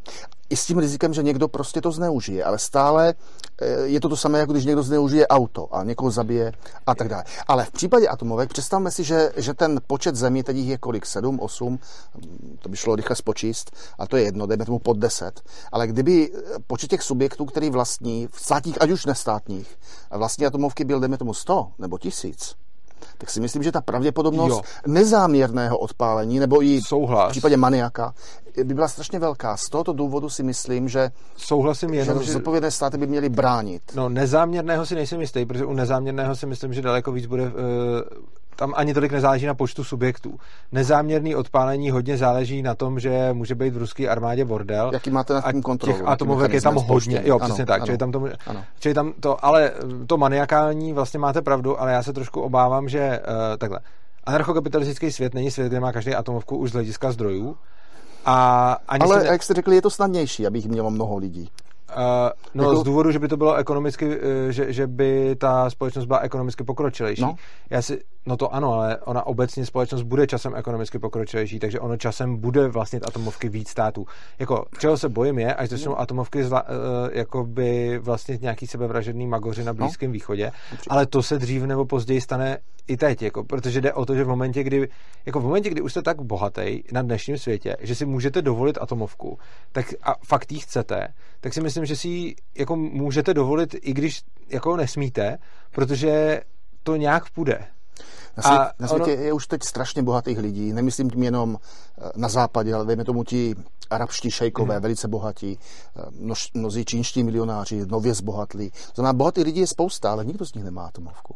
No snad Maj. Mají vlastní televize, no, třeba, mají vlastní třeba nemá, třeba nemá, ale myslím si, že je to zejména proto, že po ní tak strašně netouží. Protože Nebo... si myslím, že kdyby po ní extrémně moc toužili, no. tak si jako ne, takhle, ne, neříkám, že to je snadný, ale nemyslím si, že to je jako nereálný. Nemyslím si, že je nereálný někde uh, prostě někoho uplatit. Uh, Rusko jich má spoustu a má tam obrovský bordel. A myslím no. si, že tam odsaď získat atomovku, když budete strašně bohatý a budete to strašně chtít, myslím, že to není principiálně nemožný. A úplně stejně to budete mít v tom anarchokapitalismu. Tam taky není jako jednoduchý sehnat atomovku, jenom to není principiálně nemožný. Takže jako, ale to jsme se trošku dostali stranou od toho, od toho tématu no, obrany. No. Pra, pra, ale to je důležité téma. Jestli, jestli chceme, aby existoval stát nebo státy, které mají tu aroganci, že řeknou, že nikdo další nad tí, kdo už to mají, protože těm to vzít nedokážeme, mm-hmm. Nenásilnými nebo s desitelnými prostředky, vám to nedokážeme vzít, bohužel, ale nikdo další uh, už to nesmí mít a každému v tom zabráníme. I, v, i za cenu preventivního vojenského úvěru na vaše zařízení. Až tak etická otázka, nebo takhle, je to určitě zajímavá etická je, otázka. No, etická to je. Takhle, nebo jinak, to jsem řekl špatně. Je to velice zajímavá etická otázka, ale myslím si, že je trošku irrelevantní, protože stačí počkat a stejně jich bude mít víc a víc lidí. Takže jako myslím si, že ať, ať na to dáme jakoukoliv etickou odpověď chceme, eh, tak výsledkem bude, že stejně časem bude více subjektů mít jaderný zbraně. A eh, jako to, že se hodně, jde o to, že už hodně dlouho se ty subjekty snažily o to, aby ty ostatní neměli a přesto se to dělo i navzdory tomu. Ona i ta Severní Korea dostala atomovky jako proto, že by všichni, kdo je ne. měli, shodovali se na tom, Naopak, že je bude mít. Že? Čtyři země se jich vzdali. Jižní Afrika za Mandely, Bělorusko, Kazachstan, Ukrajina po rozpadu mm. Sovětského svazu. Takže čtyři země se jich vzdali. A pak jsou země, které některým konkrétním zemím říkají prostě, my vám to nedovolíme. A co děje, co se děje? My, jo, to no. Izrael, Irán jo, například. Ano. Takže uh, ono... Uh, ale není jasné, že ta proliferace bude pokračovat. Jako, může, ale na, nastala i ta ne proliferace, co je opakem, reproliferace, no, deproliferace v případě Jižní Afriky a, a Běloruská, Ukrajiny, Kazachstánu. Uh, a jako mě nevadí, když atomovou zbraň bude mít, já nevím, Polsko, Německo, Itálie, země s relativně normálními režimy, Jižní ne, Korea, Jižní Korea, Tajván, Japonsko, mi všechno nevadí, ale, ale vadili by mi právě země jako Irán, dokonce i Saudská Arábie by mi vadila. Tohle mi přijde, Turecko se současným prezidentem. Tohle mi přijde extrémně jako krátkozraký z toho důvodu, že to, jakože v momentě, kdy ta země už bude mít ty atomovky, a dostane se jako nějaký někdo k moci, kdo není vhodný, tak ten se jich už vůbec nevzdá. Což znamená, že když by teď celá Evropa měla jako atomovky, eh, tak, tak jako za 10, 20, 30, 40 let to bude stejný problém jako Turecko eh, ne, nebo Saudská Arábie. Že? Prostě to, tohle je jako já, já nejsem odpůrcem toho, aby ty země měly atomovky. Jenom mi přijde já strašně... si myslím, že není proto důvod, aby o ty zbraně usilovali teď. Ano, této taky není proto důvod. A obávám se, že v momentě, Česká republika, kdyby chce, tak kolik ano. nám to bude trvat? Týden? Ano. Máme know-how, máme všechno, máme reaktory. Ano. Týden možná. No a proto si myslím, že časem... Ale nepotřebujeme to teď. Ano, a myslím si, že časem to budou mít jako všichni.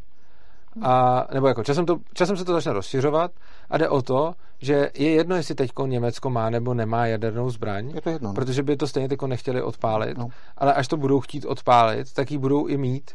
A uh, takže když se dostane třeba v Německu hypoteticky za x desítek let k vládě někdo, uh, kdo by chtěl vybombardovat celou Evropu, uh, tak stejně bude mít atomovky. Že? Takže prostě Uh, Může si ji koupit, proč by ji bombardoval.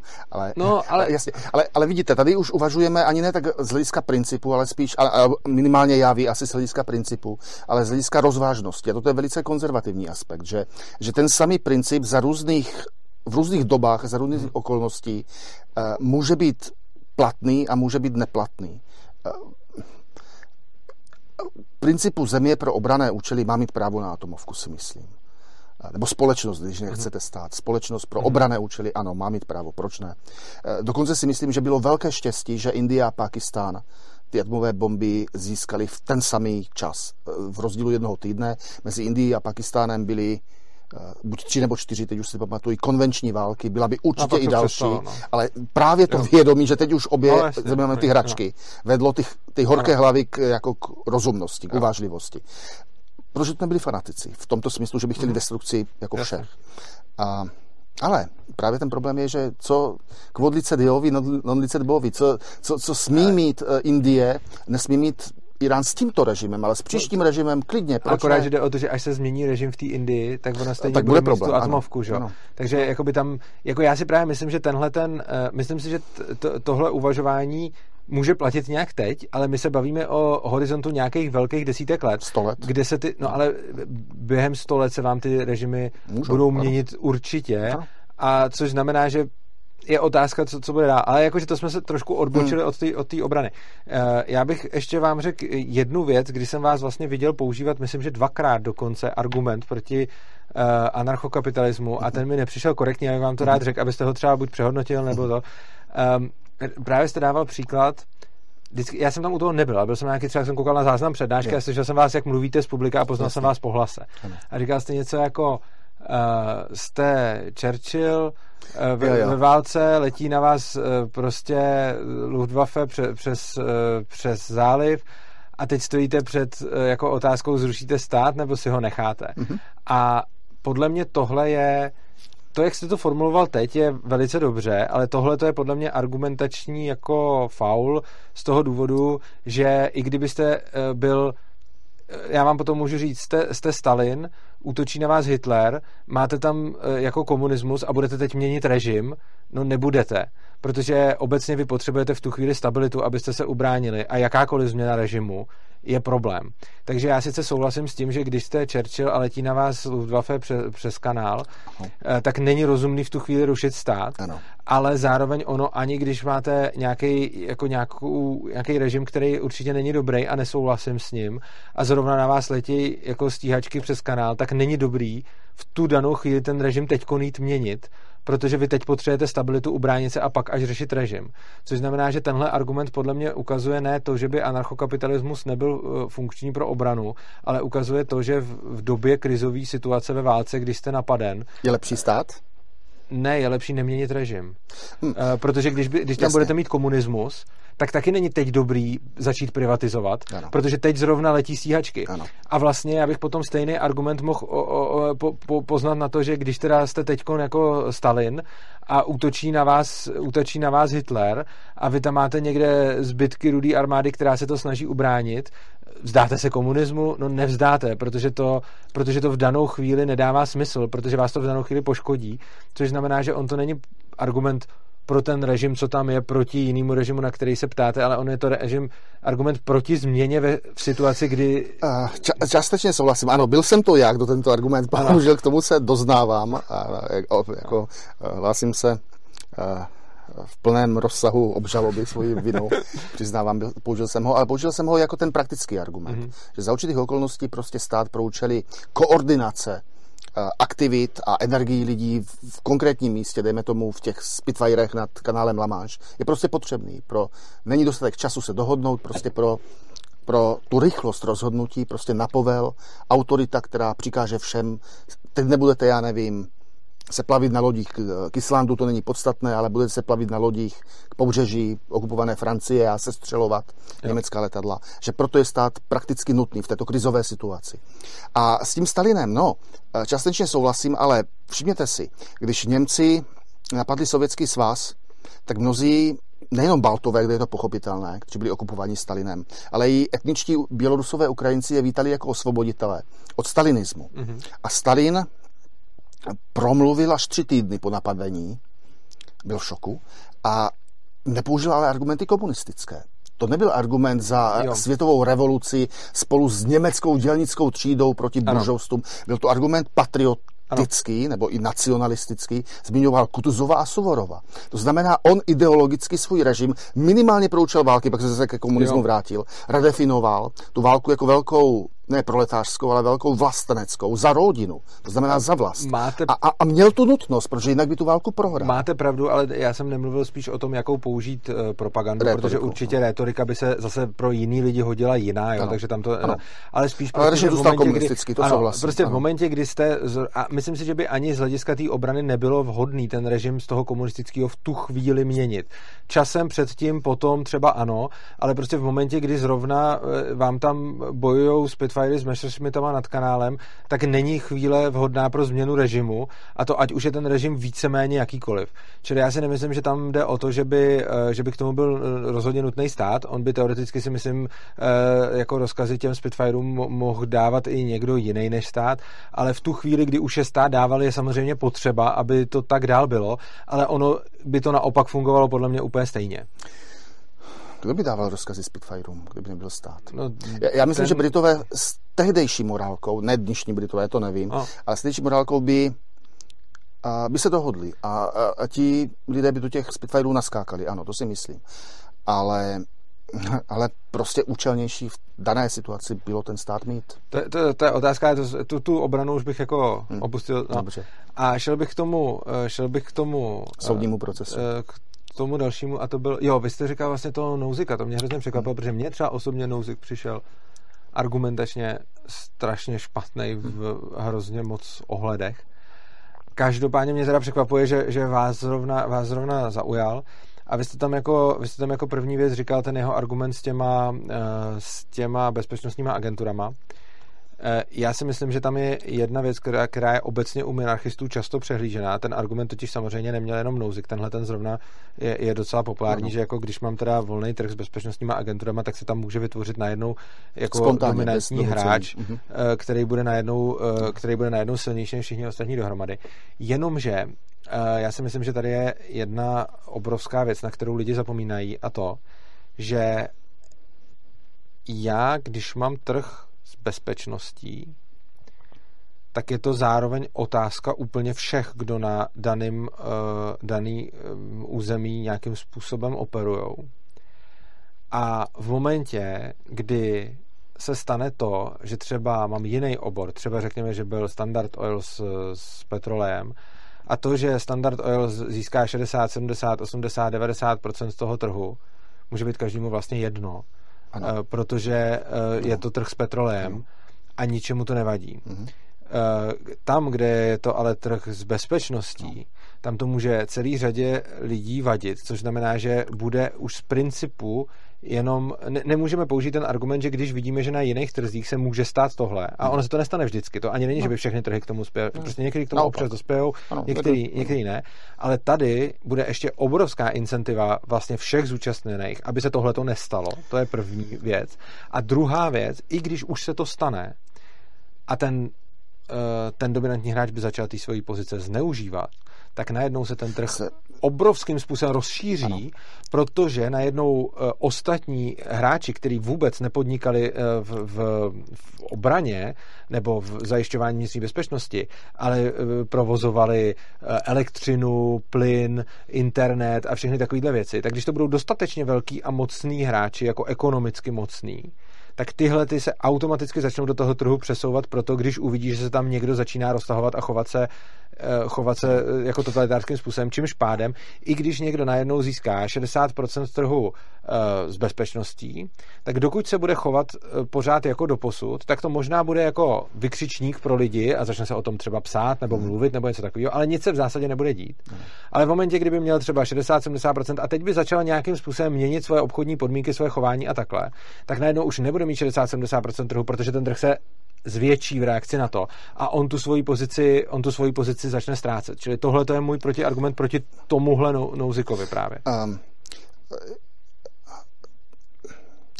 několik věcí. Aha.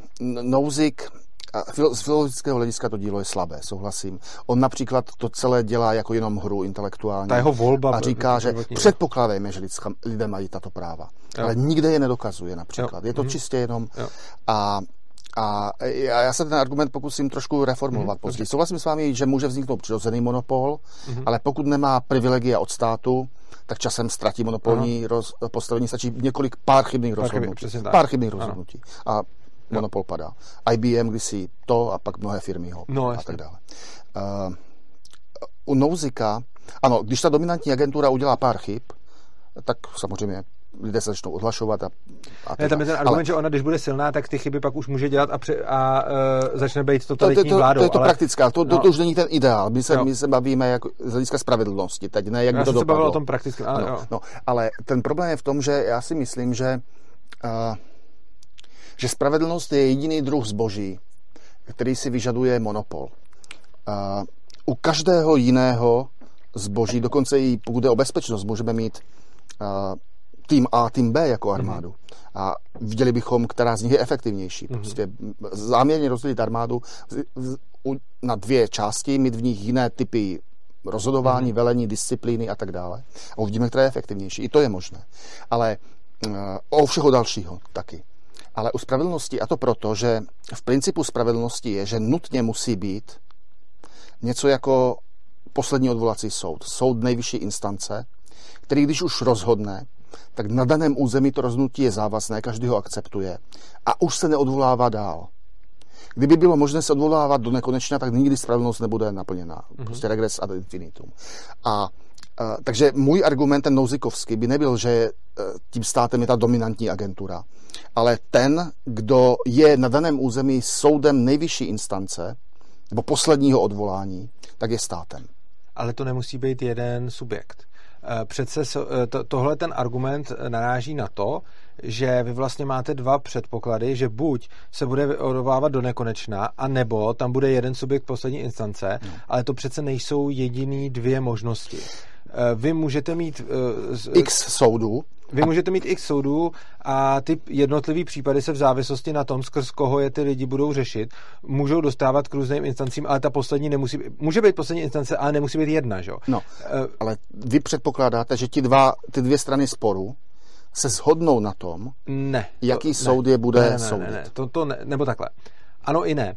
Uh, předpo, je tam ten předpoklad, ale eh, když právě potom vezmete do hry ty bezpečnostní agentury, ano. tak eh, ono totiž, shodnout se na tom, který soud vás nakonec bude soudit, jako vybrat si soudce, je racionální, uh-huh. akorát, že uh, spousta lidí může to mít zastíněné nějakýma emocema, uh-huh. což znamená, že se můžou schválně nechtít dohodnout. No. Jenomže v momentě, kdy vám pak do hry vstupují bezpečnostní agentury, tak se z mezilidského sousedského sporu, kde nejde až tak o peníze, ale hlavně o to, aby tomu druhému taky chcípla ta koza, takže se s ním schválně nedohodnou, uh, tak se z toho v podstatě stává uh, jako z toho konfliktu soused versus soused se najednou stává vlastně B2B konflikt, protože když oba dva se potom obrátí na svoji bezpečnostní agenturu, tak ta bezpečnostní agentura už nebude řešit to, hlavně, aby ten soused, aby mu taky chcípla koza, ale bude řešit to, hele, tady máme dvě bezpečnostní agentury a my se potřebujeme nějak dohodnout eh, k tomu, aby jsme věděli, jak v tomto případě postupovat bez toho, aby jsme se u toho postříleli. A jejich incentiva už je jiná než incentiva těch sousedů, což znamená, že oni se nemusí ty, přímo ty sousedi dohodnout na, na, na, na tom, kde je bude soudit, ale oba dva může zastupovat někdo a ty už se dohodnout musí, ale ty už tam mají, eh, ty už mají ekonomický zájmy ano, se dohodnout. Ano, ale to, toto už je na mě jako na konzervativce příliš optimistické, protože vy předpokládáte, že souhlasím s vámi, že ty agentury mají přesně tuto incentivu, naprostý souhlas, tam nemám jiný spor, ale nesouhlasím už s tím, že ten zákazník si tu agenturu podrží. Proč jí nemůže říct, jak, jak můžu propustit svého právníka, kdykoliv mm-hmm. a najít si jiného. Ano. Protože on nemůže říct si té agentu, že ty se chceš hlavně dohodnout s tou druhou, nedovést to do úplně na hranu, ano. ale to není můj zájem. Pokud jde o nějakou drobnou věc, o kozu a tak dále a krádež, to jde. Ale pokud jde o naprosto zásadní věci, uh, jako například o trest smrti, o popravu, tak tady a uh, tady mm, já můžu kdykoliv se agentury zbavit mm-hmm. a může nastat situace, že já a ten druhý soused, nebo ten mm-hmm. aktér sporu, nebo jeho agentura, se nikdy neshodneme na tom soudu. No ne, eh, dám, a, a otázka, já, když to necháme si... tak, anebo, no ne, já, když budu přinucen si... nějaký soud akceptovat. Já když jsem zákazníkem agentury, tak ta agentura by byla blázen, kdyby nechávala volbu soudce v každém případě na mě. Ta agentura se musí chovat ekonomicky, a což znamená, že s ní podepíšu smlouvu. A ta smlouva znamená, já mám bezpečnostní agenturu a tady je seznam soudců, z kterých volíme. A uh, a, a, a tady je algoritmus, nebo případně tady je algoritmus, jakým volíme soudce a to je součástí smlouvy. Ale já můžu a, kdykoliv odstoupit. To když mi jde o můžete, ale to, to samozřejmě můžete, ale ten problém je v tom, že v momentě, kdy máte na daném území víc agentur, tak tam, když si potom představíte ten model, jak, jak, to, jak to funguje, tak ty agentury se do takovýchhle věcí z principu ne, nemůžou dostávat proto, že je jejich obrovským zájmem se do nich nedostávat, ekonomickým zájmem. Což znamená, že ta agentura, eh, já, já můžu tu jednu vyměnit a vzít si jinou, ale potřeboval bych takovou, která bude ochotná za mě jako Frantu Vomáčku se jít postřílet s druhou bezpečnostní agenturou a pokud není, tak je to smluvně ošetřený tak, že to neudělá. Což znamená, že já nedostanu takovou smlouvu, která mi zaručí, uh, jako žádná bezpečnostní agentura mi nezaručí smlouvu, hele, uh, přišel si ke mně, jsi teď můj klient, a já půjdu a všechny postřílím. Ne, jistě, eh, jistě. To bych si už mohl rovnou zaplatit ale, mafii, ale to no, můžu i dneska. Jasně, jako. Ale o tom to není ten spor. Ten spor je o tomto. Já předem nevím, jestli budu poškozený nebo obviněný. Mm-hmm. Když jsem poškozený, někdo mi zavraždí ženu nebo děti, ano. tak chci, aby ta má agentura byla ta nejtvrdší, pokud jde o tresty, prosazení trestu. Ne, ne, neurčuje tresty. Já vím, ne. Ale aby měla, aby měla reputaci úspěšnosti, prokázání u soudu, viny toho, kdo kdo byl obviněn z Ale ta agentura, ta agentura minimálně, takhle, minimálně model, který, eh, který mně přijde daleko pravděpodobně, ale samozřejmě nemusí být takový, je, že by, uh, protože mi přijde funkční, tak bych řekl, že k němu trochu jako dojde, že ta agentura je pouze výkonná moc, jakože fyzicky vykonává rozhodnutí někoho. A není, ale ne, ne, ne mi obhájce právníka u soudu? Nemusí. Nemám mě chránit? Může zajistit, ne, nevím, jestli zajišťuje zrovna obhájce nebo ne, ale jde o to, že by ta agentura, ta agentura prostě koná nebo nekoná. No. A jde o to, že ona koná nebo nekoná v závislosti na tom, co řekne nějaký soud. A já si umím představit, eh, já si umím představit stav, kdy mám dvě bezpečnostní agentury těch dvou sousedů. No. Ty dvě agentury, jediné, co udělají, je, že zvolí společně soudce Oni se a... dohodnou, ale já toho soudce nemusím akceptovat. No, no, eh, vy když s nima uzavíráte smlouvu, tak už té smlouvě rovnou bude, že ho budete akceptovat. Byl no, bych blázen, kdybych toto udělal. Proč? No, Protože vám... Nemusel bych být blázen. Co já čekám od agentury? Co já skutečně čekám od agentury v anarchokapitalistické společnosti? Za prvé, že ochrání mě, moji rodinu, můj majetek.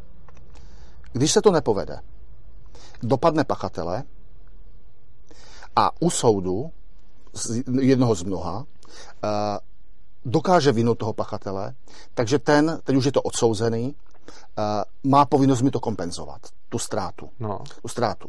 To znamená, ona musí být úspěšná nejenom v té ochraně před pachatelem, ale i v dopadení, usvědčení, odsouzení pachatele a vnucení od něho kompenzace pro mě. To je pro mě eh. důvod, uh, aby si platila agenturu. Nejenom, aby mi chránila, chránila barák a když němu dojde ne, vraždě, tak už to, že... to už není ne, ne, ne, ne, ne, tak to jsme... No, to... ale, ne, zároveň, ale zároveň, já chci od mé agentury taky to, Nejenom, aby byla tvrdá vůči zločincům vůči mě, ale když já jsem obviněn z vraždy svého souseda, ať už jsem ji spáchal nebo nespáchal, ale říkejme, že jsem čistý, že jsem ji nespáchal, ale všechno svědčí proti mně, ale já vím, že jsem to nespáchal, tak chci, aby mě z toho má agentura vysekala. Ano, abych nešel vyset. Ale, ano, ale jde o to, že já, když budu tu agenturu měnit v průběhu, tak já, když od ní budu chtít no. něco, co je v rozporu s jinou, tak v tu chvíli já jsem ten nejméně lukrativní zákazník. To je jako kdybych řekl, mám pojišťovnu, mám zdravotní pojišťovnu a pak dostanu rakovinu no. a jdu si změnit zdravotní pojišťovnu.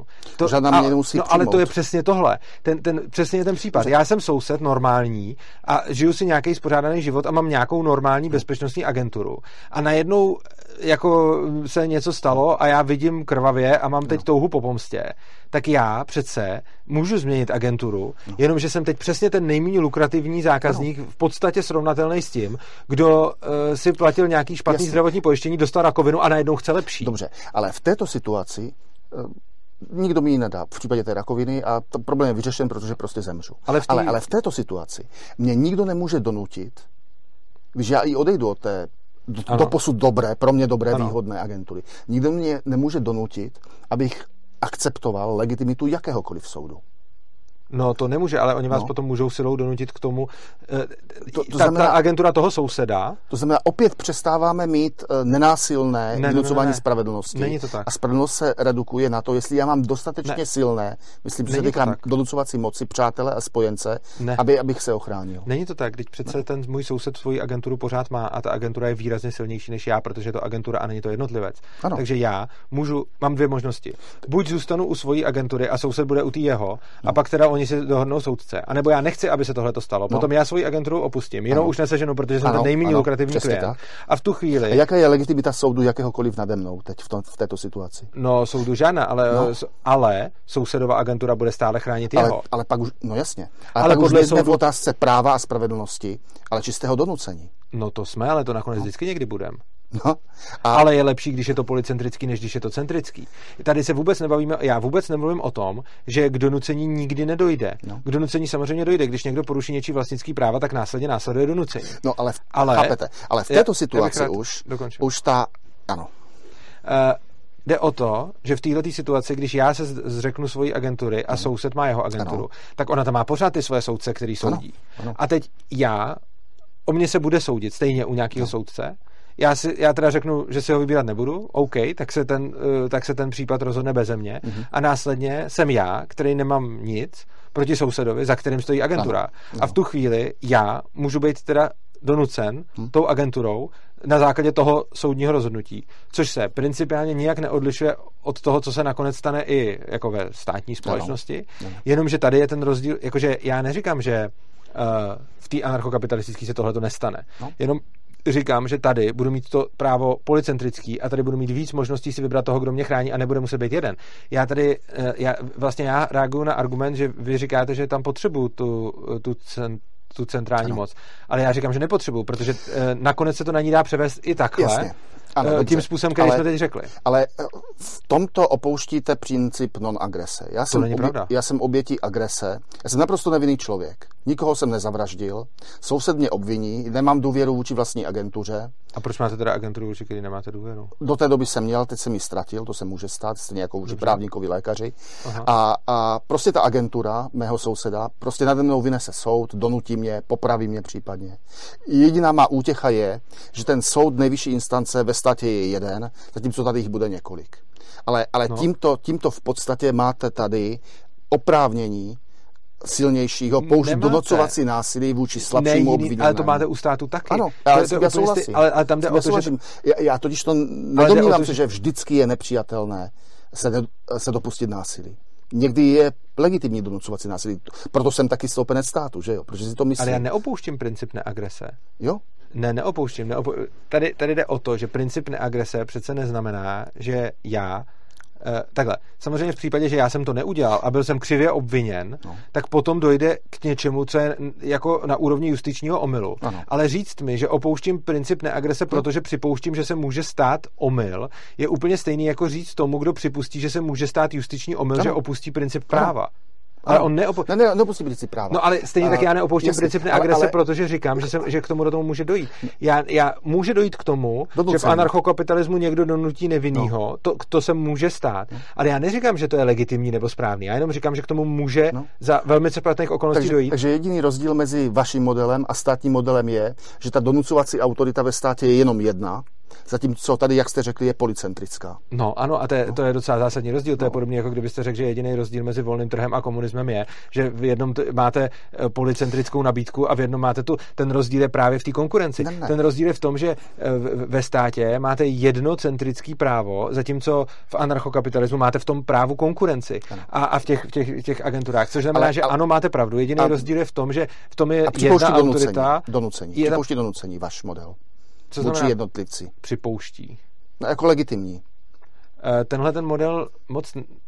Pokud se bavíme o praxi, co se bude dít a bereme i jako chyby, jako že může, můžu ztratit důvěru k tomu, tak potom není vůbec otázka, ten model nemá legitimitu a nelegitimitu. Legitimitu a nelegitimitu tomu přisuzuju já. A jako člověk, jako já říkám, že je nelegitimní, aby někdo Eh, já říkám, že je nelegitimní, aby se... Já říkám, že je nelegitimní, aby když nikoho nezabijete, vás potom zabili ano, za vraždu. Ano. To je nelegitimní. Ano. Ale připouštím, že může nastat v anarchokapitalismu situace, kdy se přesně toto stane, Jenomže ta situace může nastat i ve státě. Ano, to já, to já souhlasím, může. A, a dokonce se může stát i jako, nemusí to vůbec být jako, můžou být zákony takový, jaký jsou teď, a stejně se může stát, ano. že dojde k justičnímu omylu. Ano. Znám a, osobně případy. První instance no, rozhodla a tak, špatně. a tak v čem, a tak no, já ale, net, no, ale, ale, to, co mi říkáte, je, že v anarchokapitalismu se to může stát taky, a já no. jsem ale nikdy neřekl, že nemůže. No ale tím pádem nevidím morální výhodu bez státní společnosti a státní společnosti. No já jo. Pro mě ta krása nebo, nebo ta atraktivita anarchokapitalismu byla v tom, že je to jediný model, který podle mě, nebo já jsem to tak předpokládal, postuluje možnost společnosti, ve které nikdo není oprávněn donucení, donucení ano. vůči jinému člověku. Ano. To je Pokud pravda. ten člověk se sám nedopustil něčeho. To je pravda. No a ta výtka vůči státu byla, i vůči tomu nejspravedlivějšímu ano. státu, že stát se toho donucení vždycky dopouští prostřednictvím zdanění. A takhle, no dobře, no, může být, třeba. A, ano, spravedlivý stát prostřednictvím zdanění. A, a, u, a to je nefér.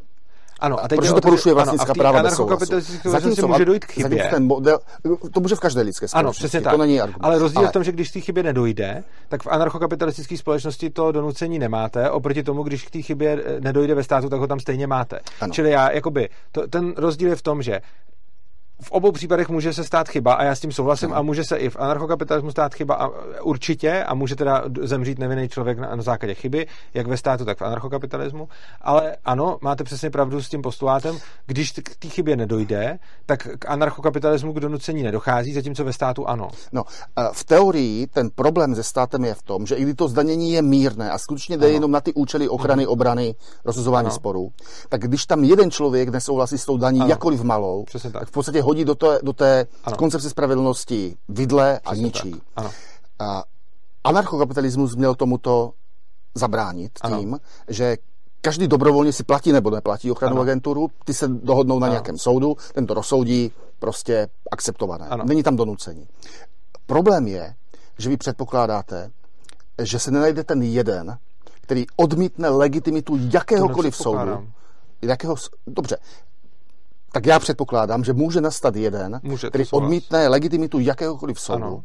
a pak, ať už ty soudy nebo ty agentury nebo to vykonávání spravedlnosti je policentrické nebo monocentrické. Ano. Vy připouštíte v řádu ideálu donucení vůči tomuto jednomu člověku. Ne v řádu ideálu. Znamená, tu největší ctnost své, své ne. teorie jste právě podkopal. Ne v řádu ideálu. Ano. Vy směšujete dohromady dvě roviny. Eh, směšujete Nikdy dohromady... jsem si neplatil agenturu. Dejme to, aby no, to bylo ano, jednoduché. Jo. Uh, jsem obviněn z toho, že jsem zavraždil ano. někoho. Ano. Uh, ti příbuzní chtějí nade mnou soud. Ano. Mají agenturu. Ano. Já jsem předvlečen před nějaký ano. soud. Vím, ano. že jsem to neudělal. Ano. Jsem převleč, předvlečen před nějaký soud. Ten mě odsoudí, může mě ano. odsoudit k smrti. Já legitimitu toho soudu neuznávám, ano. protože myslím si, že je předpojatý proti mně. V ano. společnosti čistých bělochů jsem jediný Černoch ano. například. Dobře. Eh, je předpojatý proti mně. Mm-hmm. Stejně mě pověsí. Což je nelegitimní. Což je podle se... vás naprosto spravedlivé Není. v rámci... Není? Ten soud Já nade mnou To, že jsem řekl, že se to mohlo stát, neznamená... Jsou dvě roz, rozdíly... Může mě ta agentura předvést před ten soud proti mé vůli ve vašem modelu? Ta agentura souseda. Co znamená může? Je oprávněná, má právo? E, nic, to, to je, tohle je obrovský problém v debatama e, s etatistama, že se neustále ptají na tuhletu otázku, která ale úplně pozbývá, e, pozbývá možnosti. Víme, co je právo na život, na svobodu, Počkejte. na majetek. To víme. To, to, to, to, teď... to jiné etatisté uznávají. Anarchokapitalisté právo na život, Ale svobodu, majetek. Takže víme, tom, co je právo. Ten problém je v tom, že jako vy se ptáte, jestli má oprávnění. No. no oprávnění od koho? No, to já se taky ptám. No, to je právě to, no právě v tom modelu neexistuje něco jako tak mít pro, oprávnění. Proč, proč, když soused mě obviní z vraždy, já jsem si nikdy agenturu žádnou neplatil, najednou přijdou chlápkové z nějaké agentury, předvedou mě před nějakého soudce, ten mě odsoudí trestu smrti a mě pověsí. Je velice nepravděpodobný, že by eh, nastala zrovna takováhle situace. Daleko pravděpodobnější situace je, že když nemáte agenturu, tak vás napřed k tomu soudu předvolají a tak dále. Hm. A až potom, když neuznávám, nebudete, tak ho může... Neuznávám legitimitu. Neuznáte jako ten tak... islámský radikál v České republice, který se vysmál Českému soudu, který ho odsoudili, já nevím, na 10 let nebo na, na kolik. Řekl, já váš, já váš soud neuznávám. No dobře. No tak ho prostě zavřeli. No. Což já považuji za naprosto správné, v mém modelu. Ale, ale ve vašem modelu by toto nemělo být přípustné, protože já jsem oběti donucen. Neroz... Když jsem cokoliv udělal. Počkejte. To znamená, to nejlepší, co je na anarchokapitalismu, je i podle vás neuskutečnitelné. Mě teď přijde, že nemůžu moc mluvit. Teda, ale, tak já... já už budu mlčet. Ne, ne, ne, já jenom, já jenom prostě, já, já bych vám rád odpověděl, jenom, jenom mi přijde, že, že kdykoliv něco začnu říkat, že se to nějak rozsype. Eh, že, že, že do toho něco, něco to. Uh, takhle. V tom modelu není něco jako zákon, který by říkal, co se smí a co se nesmí. Tam nemáte zákon prostě daný. Předem daný. Nemáte tam zákon tak, v takovém smyslu, že by tam byla legislativa jedna, centrická vůbec. To je taky protože, otázka, jestli je to dobře nebo špatně, ale budíš, pokračuj. Protože je tam právo policentrický, no. tak otázka, jestli někdo je oprávněn nebo neoprávněn někoho někam předvést, ano. znamená, no. podle kterého práva a podle koho to právo má nebo nemá. Není tam obecná otázka, jestli to právo existuje nebo neexistuje.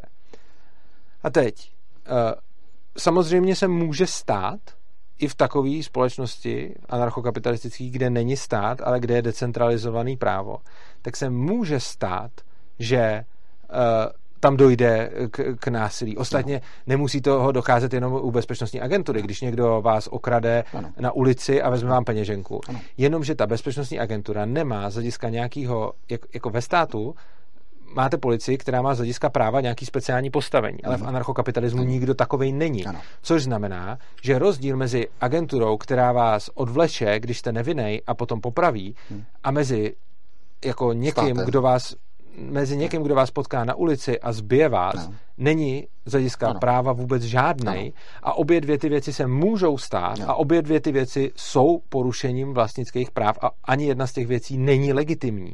Mhm. A vy jste se mě tady na začátku ptal při uh, rozhodování sporu sousedů. No. Ne na to, co je a není legitimní, ale na to, co by se stalo kdyby. No. A já jsem odpovídal na to, co by se stalo v případě, že něco. No. A když se mě zeptáte, co když v anarchokapitalismu půjdete po ulici a najednou vás obestoupí deset namakaných chlapů se zbraněma a chtějí po vás peníze, co uděláte?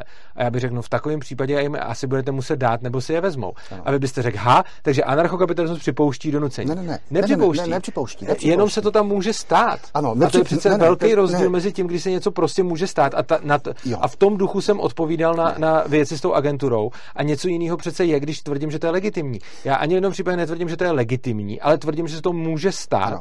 A když jsme se tady bavili o tom sousedském sporu, tak já jsem neříkal, co je legitimní. Já jsem říkal, co se pravděpodobně dobře, stane. Tak, tak teď se budeme bavit jen o tom, co je legitimní. Dobře, dobře, tak Anarchokapitalismus dobře. velice správně předpokládá, že když mě ob, obklopí 10 lidí se zbraněmi, a, chce, a chce, chtějí moji peněženku, tak eh, nejspíš jim ji dám. Ano. Hlavně pokud nemám u sebe momentálně ano. své zbraně. A nebylo stejně, to legitimní. Ano. Nebylo to legitimní. Anarchokapitalismus ano. toto považuje za zločin. Ano. Já taky. No ne, anarchokapitalismus nepovažuje nic. Anarchokapitalismus je nějaká idea. Já to no, považuji no, za nelegitimní. Dobře, skvěle. Dobře. Zhodeme se na tom, že je to nelegitimní, to znamená zločin. Dobře, ano. Skvěle.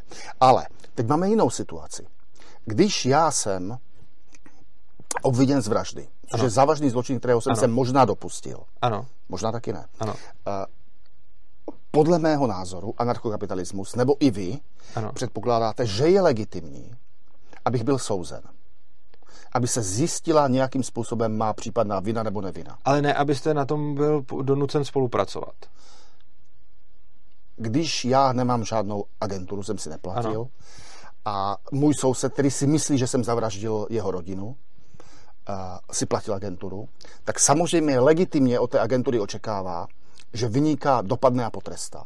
Všechny důkazy ukazují na mě. To znamená, není tady špatný záměr.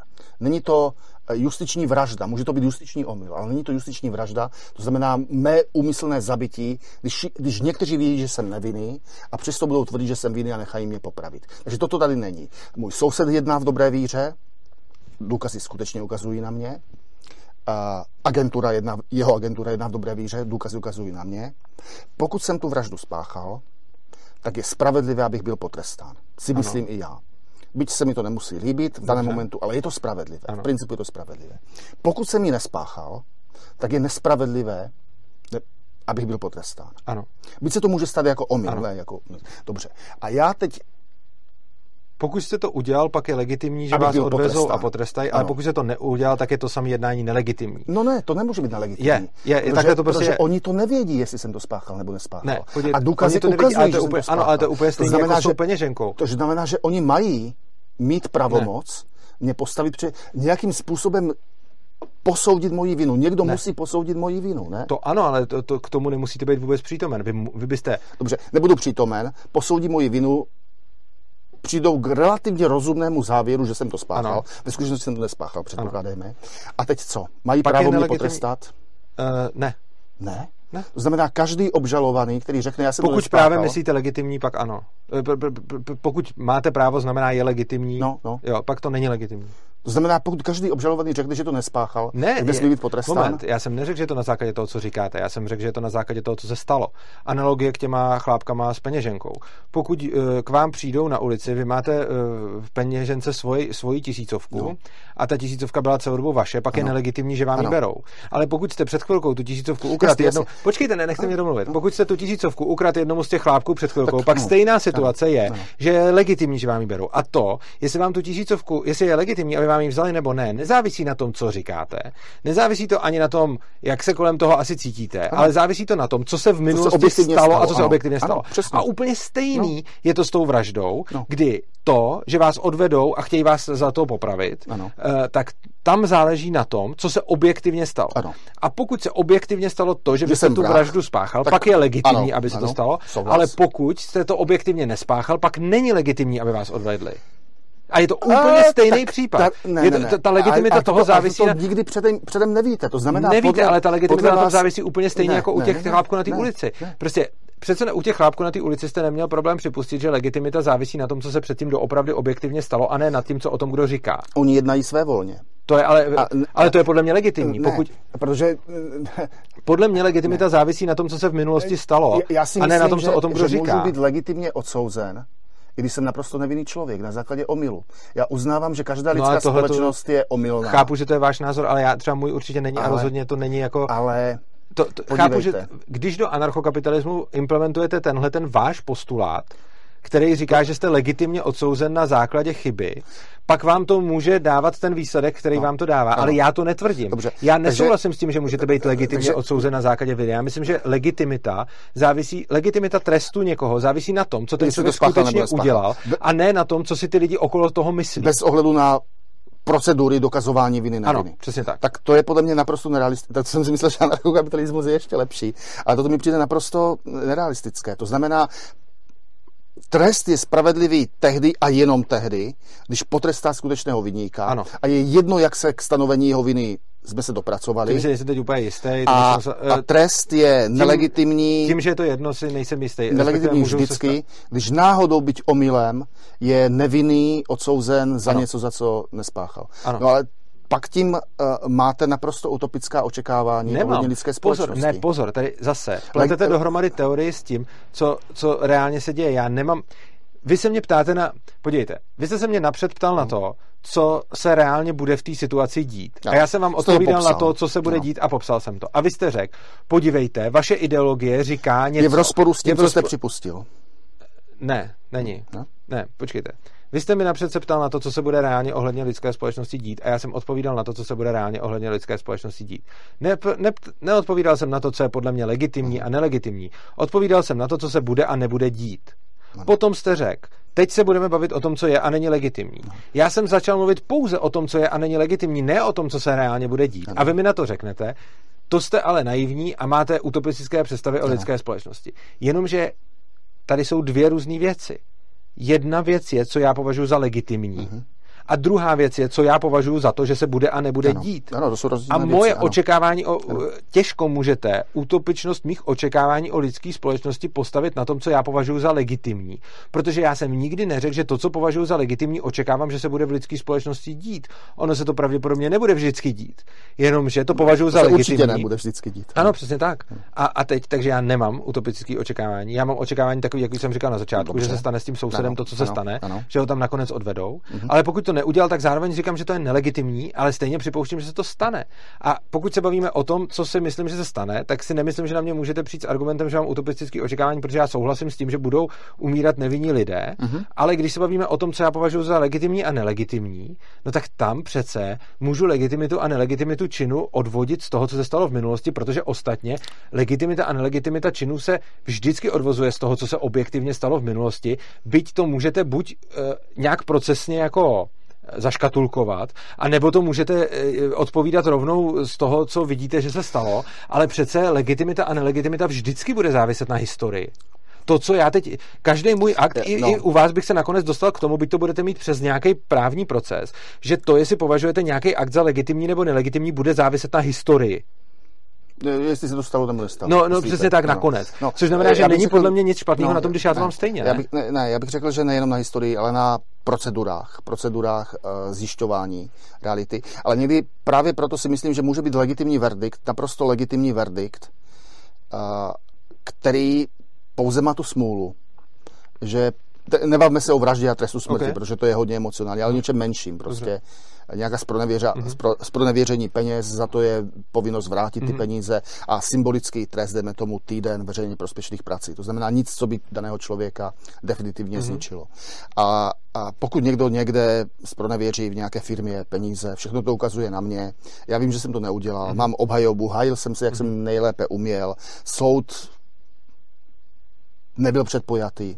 Prostě přišel k závěru, že jsem ty peníze vzal já, Aha. tak je musím vrátit. Není to částka, která by mě zrujnovala, tak je vrátím a dostanu jako odstrašení eh, týden veřejně prospěšných prací. Je tento trest nade mnou je celý ten soudní proces legitimní a trest nade mnou legitimní? Já bych odpověděl ano. Já bych ano. odpověděl, že ne. Jednoznačně ano. Všechna má práva procedurální byla garantovaná, ano. zajištěna. Jo. Pouze v důsledku lidské Souhlas. omylnosti, kterou, kterou nikdy neeliminujeme, došel soud v tomto konkrétním mém případě k milnému závěru, Chápu, ale v že- dobré víře. chápu, že to ale, tak vidíte. ale, ale ten verdikt toho soudu, stejně jako ten soud samotný, byl naprosto legitimní. Já chápu, že to tak vidíte. Ano, takhle to Já vidím. to tak nevidím. A tím se Ale- pravděpodobně liší to, No, že, dobře, máme, ale že pak- vy jste zastánce centrického práva, což znamená, Ne, ne, že tam máte... i- i kdyby to bylo Já si myslím, že to z toho trochu vyplývá, protože tam, kde máte centrický právo, máte nějaký legitimní proces. A zatímco pro mě neexistuje legitimní proces, který eh, dal nespravedlivý verdikt. Podle mě prostě legitimní proces dal správný verdikt. A policentrický právo je podle mě to, který se k němu spíš dostane, než to centrický. No, Ale, ale já tento názor zastávám i ve vašem modelu. To znamená, mi, soused mě obviní, že jsem mu ukradl něco, Aha. uh, jsem předveden před nějaký soud, já jsem neměl agenturu. On, Jo, já pokud jsem to ukradl, má plné právo mě odvléct před ten soud, samozřejmě, protože možná jsem skutečně ten zloděj, ten zločinec, to je možné. To znamená, má právo má mě někdo vůbec soudit, si myslím. Mhm. Mm-hmm.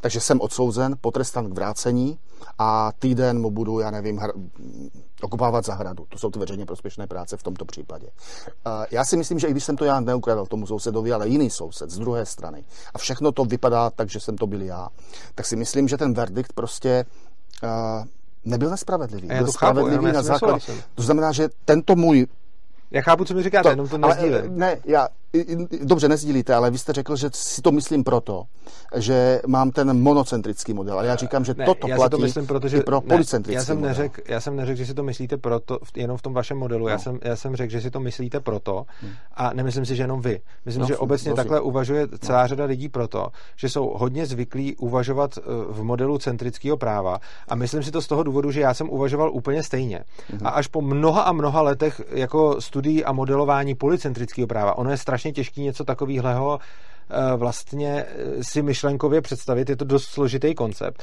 tak až potom jsem změnil svůj eh, pohled na legitimitu z toho důvodu, že mi vlastně došlo, že otázka, kterou jsem dřív kladl taky, je tohle legitimní, je tohle zločin a tak dále, že tahle ta otázka může eh, vlastně podle mě záviset jenom na tom, že když mám nějaký, jako buď právo někde psaný, ale v momentě, kdy mám policentrický právo, tak si myslím, že tahle ta otázka je trošičku eh, Protože v policentrickém modelu ta otázka znamená něco úplně jiného než v centrickém modelu. Protože v centrickém modelu mám pořád tu jednu správnou proceduru, kterou se k něčemu dostanu. A jak jste správně řekl, když je ta procedura jako správná, z hlediska nějakého spravedlivého zákona, tak potom no. řeknete, že je to jako spravedlivý. Když ale ano. Výsledku, ano. Jenomže v tom policentrickém modelu můžete mít víc různých procedur, které budou ale všechny spravedlivý. Můžou být. A můžou dávat různé výsledky. Ano. A teď by to znamenalo, no. že pokud by legitimita závisela na procesu, tak se dostanete do stavu, kdy by vás v tom za tu spronevěru jeden soud odsoudil a druhý ne. Ano. Ale řekněme, že žádný z těch soudů nebude nějaký jako strašně nespravedlivý nebo takhle. Ano. Všechny ty soudy budou no. jako fungovat, ale budou fungovat úplně jiným, ano. jako úplně jinak. Přesně. No. no a? a teď, no a, teď, a obojí je legitimní. A teď otázka, nebo může být.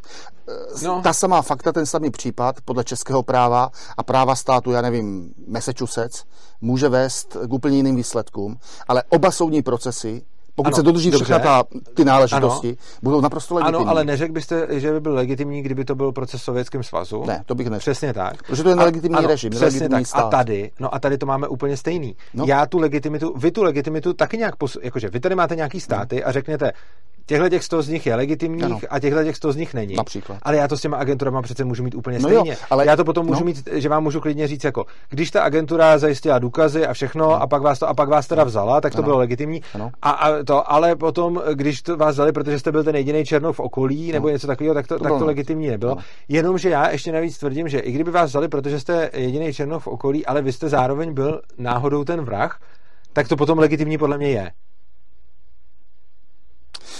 Ale a s tím to mám zase problém v já vím, Já vím, chápu, jako pokud, jenom, nemá pokud, myslím, pokud jediný důvod, proč mě vzali, jako já jsem byl ten vrah, ano, já to vím, ale ale žádný důkaz vůči mě neexistuje. A jediný důvod, proč mě předvedli před soud, je to, že jsem jediný černoch, tak to je nelegitimní. Po, a zase říkám, nemá cenu se, jako, no. můžeme se tady o tom ještě dlouho bavit, ale nakonec vždycky jenom ale to, že na to máme tak to je věc, na kterou se nezhodneme. Ale, prostě, ano, ale, ale, je to, jako, myslím si, že tohle to je něco, že je to spíš jako formální věc, na který se neschodeme v tom, co nazýváme legitimním a co ne. Protože podle mě je to jenom jako, že já bych rozhodně našel jiný slovo než legitimní, kterým bych uh, pojmenoval to, to vaše. Jako synonymum je ne, oprávněný. Ne, že to jo? nemyslím. Chci říct, že uh, bych našel jiný slovo, který by fungovalo pro to va- vaše, třeba procesně správný. No. A myslím si, že tady mezi náma není jako faktický rozpor, jenom každý něco, každý slovem legitimní nazýváme něco jiného, ale nemyslím si, že tady existuje nějaký faktický rozpor. Hmm. Protože já bych tomu, co, co, to, co nazýváte vy, je taky kategorie věcí, kterou považuji za důležitou na oddělování. Jenom já pro to oddělování nepoužívám slovo legitimní a nelegitimní. Já bych proto možná použil procesně správný a procesně nesprávný. Třeba. Jo? A, a, ale, nebo, ale to už je mnohem to, nižší váha, to už je mnohem nižší váha jo, ale, než legitimní. Ano, Pro mě ta legitimita se na, na procesní souhlas. pravidla nutně vztahuje. Eh, pro mě ne, a to je asi jediný rozdíl. Každopádně si, každopádně to, jak jsme se k tomu dostali, bylo, eh, že jsme vlastně mluvili o tom, že jste říkal, že v tom anarchokapitalismu není možný zajistit, eh, že, že tam...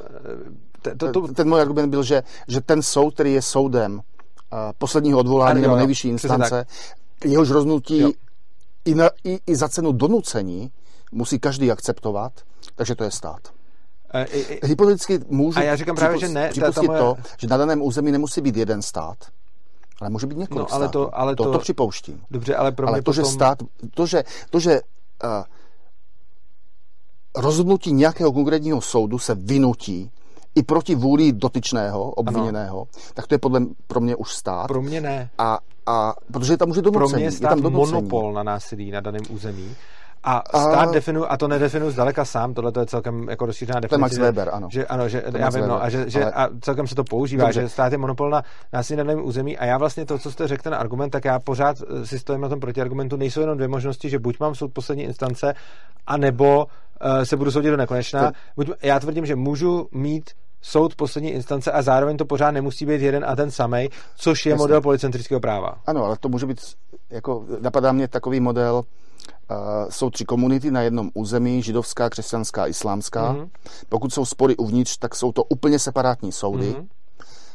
Uh, židovský pro židovské ano. spory a tak dále. Pro islám. Nikdy nepřijdou do styku. Ano. To znamená, jsou to tři legitimní nejvyšší mm-hmm. soudy pro každou ano. komunitu. Pokud jsou spory napříč, skupinami, Aha. tak existuje soud ještě čtvrtý, který nijak jinak nesoudí, jenom v těchto případech smíšených sporů, Aha. nábožensky smíšených, nazvěme ho, dejme tomu, císařský soud, a který uh, zase tento, tento spor soudí. To znamená, máte území, ve kterém monopol uh, mají nezávisle od sebe čtyři různé soudy. Tři různé soudy. Tam potom a podle mě každý z nich je stát. Tam hrozně závisí u mě na tom, jestli to je fakt monopol, což znamená, jestli může nebo nemůže jim někdo, jestli může nebo nemůže někdo konkurovat. Eh, čili tam potom hrozně záleží na tom, jak by se, no, a zejména ještě ano, nejenom pokud, k té moci soudní, ale i k moci výkonní, takže ta, jakože samozřejmě stát a nestát není jako binární kategorie, ono to prostě jako, Jasně, to, no. no. A, a, jako tam najdeme spoustu těch. A nicméně, jakože, nicméně na ten argument, jakože ten argument, který jste dal, byl, že buď a nebo, že buď mám teda ten a já říkám, že ne, že můžu mít eh, nejvyšší, nejvyšších soudů víc, a to je právě princip toho policentrického práva, což znamená, že tam, že, a, a nemusí to zároveň být stát, protože kdybyste měl tenhle ten model, který, byste, který jste řekl vy, a teď jsou tam tyhle ty soudy, a zároveň jsou tam bezpečnostní agentury, které fungují, a zároveň můžou vznikat další bezpečnostní agentury, oni jim v tom nebrání, ne. a zároveň můžou vznikat i další soudy, a teď uh, ten soud se může stávat populárnějším a populárnějším, ne. a on si ze začátku třeba nemůže dovolit uh, jako jít proti tomu druhému, ale když se potom stane dostatečně populárním, tak se tam najednou vyvine další soud. No. A tohle to je rozdíl oproti státu státu, ale... kdy stát v momentě, kdy se něco takového děje, tak uh, použije násilí na to, aby to potlačil. Oproti tomu, tahle ta společnost, uh, o který mluvím, tak tam není nelegální to vůbec dělat. Chápete, jak jste správně upozornil na to, že, že můžete mít totálně liberální společnost, jako byla Amerika první poloviny 19. Mm-hmm. století a otrokářství. Ano. Tak z hlediska toho otroka je jedno, že ta společnost mezi těmi pány je liberální. Mm-hmm. Ale vůči němu je to totalitní panství toho ano. pána nad ním. Tak v této situaci vaši, když máte pluralitu soudů ano. a uh, já jsem před nějaký soud, jehož uh, legitimitu nade mnou neuznávám, ale ano. jsem prostě obviněn legitimně, předveden, důkazy, odsouzen, ani ne k trestu smrti, ale nějakému trestu. Tak pro mě ten soud je státem vlastně. Protože já jsem podřízen jeho autoritě a jeho donucení vůči mé osobě bez mého souhlasu explicitního. A tak to znamená, pro mě je to používáte stát. pojem stát pro něco jiného, já používám pro ten monopol a vy ho no, používáte no, pro No vůči mě je to monopol. V daném momentu ten soud rozhodl, no, já už se nemůžu nikam jinam odvolávat. Dobře ale tak v tom případě... V tom Takže případě, vůči mě osobně je to monopol. záleží, jak to teda definujete, jak hm. definujete stát. Každopádně to, co já říkám je, že v případě, že máte to právo policentrický, tak vy jste správně poznamenal. Takže ten rozdíl oproti státu je ten, že tam te, to mocenský centrum nemáte jedno, ale máte jich tam víc. A já říkám ano, no. to je ten rozdíl. A je to úplně stejný rozdíl, jako když máme někde povinně jednoho providera čehosi hmm. a oproti tomu, když tam může být konkurence. No. Takže ano, principiální rozdíl mezi státem a anarchokapitalismem je konkurence. Ano. A, a ano, máte pravdu. Ten rozdíl je vlastně v tom, že tam není jenom jeden, ale že jich tam víc. Ano. Ale ono, když se to řekne takhle. Ale vůči mě je to stát. Te, ano, ale. Když, já už se řekne... nemůžu, když ten soud nade mnou vynese, jste vinen, ukradl jste 500 korun, vrátíte 500 a hodinu budete pracovat tam a já už nemám možnost se nikam jinam odvolat vůči žádnému dalšímu soudu, byť jich v dané společnosti existuje podalita, je tomu 1221, ale pokud tento soud nade mnou tento rozsudek, tento verdikt vynesl a já už nemám možnost odvolání, tak tento stát vůči mě, mé mám... osobě je stát. Dobře, tak tento soud možnost... vůči mé osobě je stát. Tak já mám možnost odvolání za předpokladu, že já jsem se mohl předtím, jako já jsem předtím mohl jako se oslovit nějakou jinou bezpečnost. No, jasně, ale nakonec prostě... to skončilo někde u nějakého soudu. No někde to skončilo, no. tak někde to vždycky musí skončit, ale to přece no. neznamená, že vždycky všude musí být stát. Že? No ten soud vůči mě je státem v daném momentu. Protože se musím to tak nazýváte, já bych to tak nenazýval, vy to tak nazýváte. Jako OK zase, to prostě máte nějaký termín, ale prostě t- ta poenta je, že ten rozdíl je v té konkurenci, že prostě pro mě je lepší, než aby tady byla jedna síť obchodu s potravinama, tak je jich tady X a já si můžu nakoupit u kohokoliv z konkurence. Taky si nakonec nakoupím něčí jako maso ano, a to si nakonec ugriluju. Ale dobrovolně. A, Zatímco ano. ten soud, když mě odsoudí k eh, týdnu vězení, tak to už není, já už nemůžu si v daném ano, momentu zvolit jiný soud. Já s tím souhlasím, ale někdy, někdy to stalo? přece neexistuje společnost, kde by neexistovalo donucení. Takovou společnost nemůžete mít. Protože jak říkáte, vždycky se najde nějaký hmm. jedinec, takže nemůže být společnost bez, bez donucení. To by legitimní, nějaká... nelegitimní donucení můžeme rozlišovat. Můžeme, ale nebude společnost hmm. bez, bez donucení. Nebude, ne. A tím pádem kde to donucení bude provádět konkurence, tak si myslím, že se to bude daleko víc blížit legitimitě, než tam, kde to bude jako statisticky, kde to bude dělat jeden monopolista. A úplně stejně jako máte konkurenci ve všem možném a tam prospívá, tak jsem přesvědčený, že z hlediska práva prospívá taky. Eh, já bych řekl, že toto, tento váš argument platí pro, pro pluralitu různých společností politických. To znamená, že je dobře, že jedna země koule není jeden stát a že máme pluralitu států a na základě zkušenosti můžeme říci, že výkon spravedlnosti v této politické společnosti je spravedlivější z hlediska práva život, svoboda, majetek, než této jiné. Takže, takže v tom je to vlastně- dobře, ale mám, jak jsem říkal, velké pochybnosti, že to Rozumím. funguje v rámci jo rozumím, jedné konkrétní společnosti. Chápu. To je všechno. Jinak, jako rozumím. K tomu Nouzikovi bych ještě řekl, vy jste tam velice správně poznamenal, že je problém s tou výší, výší trestu. To, je hmm. jenom, to není něco, o čem bych se chtěl nějak jako no, dohadovat, vám spíš jako dávám, dávám za pravdu, že vlastně je fakt, že princip neagrese rozlišuje, co je a co není agrese, ano. ale máte pravdu, že součástí principu neagrese není výše trestů. Ano. Jo, co, což, ano. Je, což je pravda a, musel, a tohle to je něco, co by musel jakým způsobem Ale to je, to je, uh, to je, to je problém veškeré právní teorie. Ano. Protože ona ano, nikdy vám neřekne, ano. jaký je adekvátní trest. Má, máte pravdu. A poslední, jestli, nevím, jestli ještě se do toho chcete pustit, že bychom dali tu poslední, eh, ten poslední argument v rychlosti. Já už budu pomalu muset běžet, pouze ho řeknu. Tak ten, ten, a tak a já nejde aspoň pouze zareagovat. Dobře, dobře. Ten třetí byl takovýto. A to může být potřebuji si ho ještě mnohem lépe promyslet, je spíše intuitivní. A to je tento. Eh, když vycházíme z přirozenoprávní koncepce, to znamená, známe, že člověk má práva, život, svoboda, majetek,